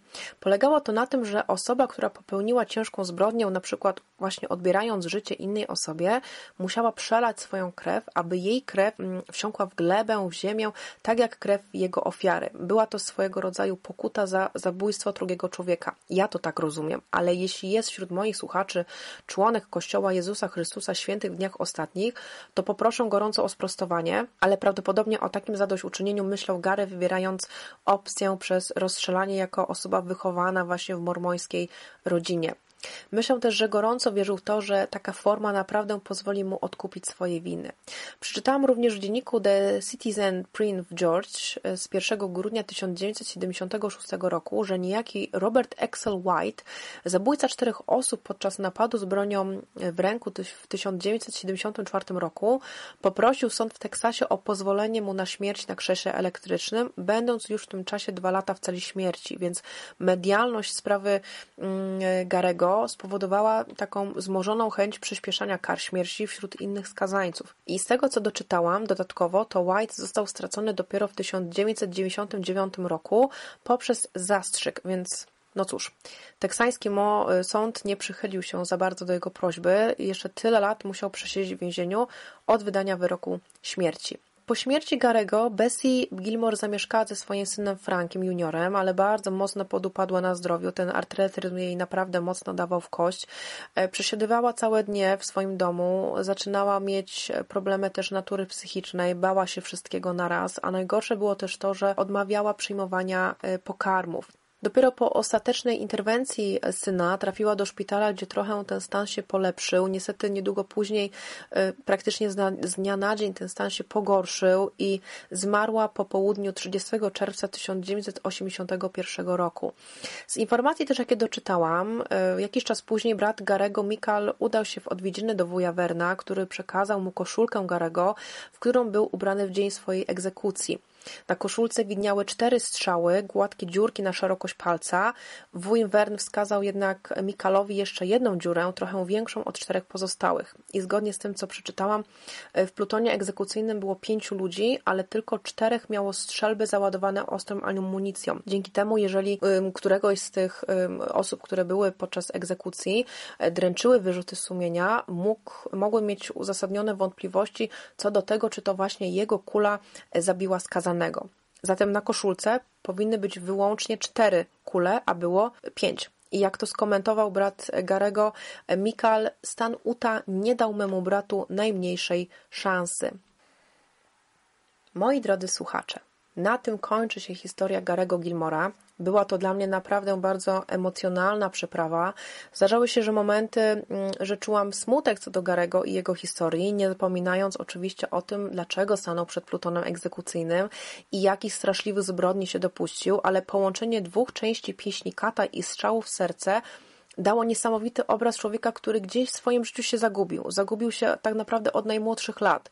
Nie chcę w żaden sposób usprawiedliwiać tego, co zrobił Gary, bo przebywał w zakładach e, poprawczych i więzieniach przez wiele, wiele, wiele lat i nie był to typ potulnego baranka, ale mimo wszystko historia spisana jest w taki sposób, że naprawdę momentami chwyta za, e, za serce. Gdzieś przeczytałam kiedyś w internecie taką opinię, że czasem są takie historie, w której jest ci trochę żal skazańca. I ja tak chyba trochę miałam. Pierwszy raz w życiu, pierwszy raz, gdy czytałam jakąkolwiek historię o e, zabójcy, gdzieś mi było żal e, Garego nie chcę, żeby wyszło, że żal mi wyłącznie Garego. Nie, absolutnie tak nie jest, ale tak jak mówiłam wyżej, historia naprawdę opowiedziana jest e, we wszystkich trzech książkach na najwyższym poziomie i jeśli kiedyś znajdziecie w jakimś antykwariacie, portalach aukcyjnych czy portalach typu OLX którąś z tych pozycji, koniecznie musicie je przeczytać, choć jak dla mnie mm, największy sens ma przeczytanie wszystkich trzech pozycji, ponieważ pieśń Kata opisuje bardziej całą batalię Garego z sądami, są jakieś przebłyski o jego młodości, ale jednak książka jego brata cofa się o kilka pokoleń wstecz, ukazując naprawdę o wiele, wiele więcej szczegółów i połączenie ich wszystkich trzech daje dopiero według mnie kompletną historię Garego Gilmora. Mam nadzieję, że historia Was zaciekawiła. Ja sama spędziłam nad nią każdą absolutnie wolną chwilę, czytając, robiąc notatki, wertując setki wydań dzienników, ale to jest tak naprawdę e, namiastka tego, co było napisane na temat tej sprawy, a przeglądałam wyłącznie dzienniki ze Stanów, a jak wspominałam, pisano o tym na całym świecie, więc myślę, że artykułów byłoby naprawdę dosłownie setki, setki, setki. Mm, oglądając dokument czy film pełnometrażowy, prawie czterogodzinny, naprawdę ta sprawa pochłonęła mnie w stu procentach i cieszę się, że ją poznałam i mogłam ją przedstawić w taki, a nie w inny sposób. Nigdy wcześniej nie słyszałam o mm, sprawie Garego Gilmora i jego chęci śmierci za to, co zrobił, dlatego podwójnie mnie ta sprawa zainteresowała, ponieważ nigdy wcześniej nie znałam podobnej historii. Nie ukrywam też, że sprawa ta była dla mnie wyjątkowo wyczerpująca zarówno psychicznie, jak i fizycznie. Zarywanie nocek w weekendy to ostatnio moja specjalność, więc też gdzieś w środku cieszę się, że ją ukończyłam. Jestem przeogromnie ciekawa, jakie Wasze jest zdanie na temat tej sprawy. E, dajcie proszę znać w komentarzach. Dziękuję Wam, że okazaliście cierpliwość przy czekaniu na podcast i że jednak ktoś chciał posłuchać moich wypocin. Jeszcze raz bardzo dziękuję i mam nadzieję, że niedługo się usłyszymy. Trzymajcie się cieplutko. Życzę Wam udanego weekendu, dobrego tygodnia. Papa. Pa.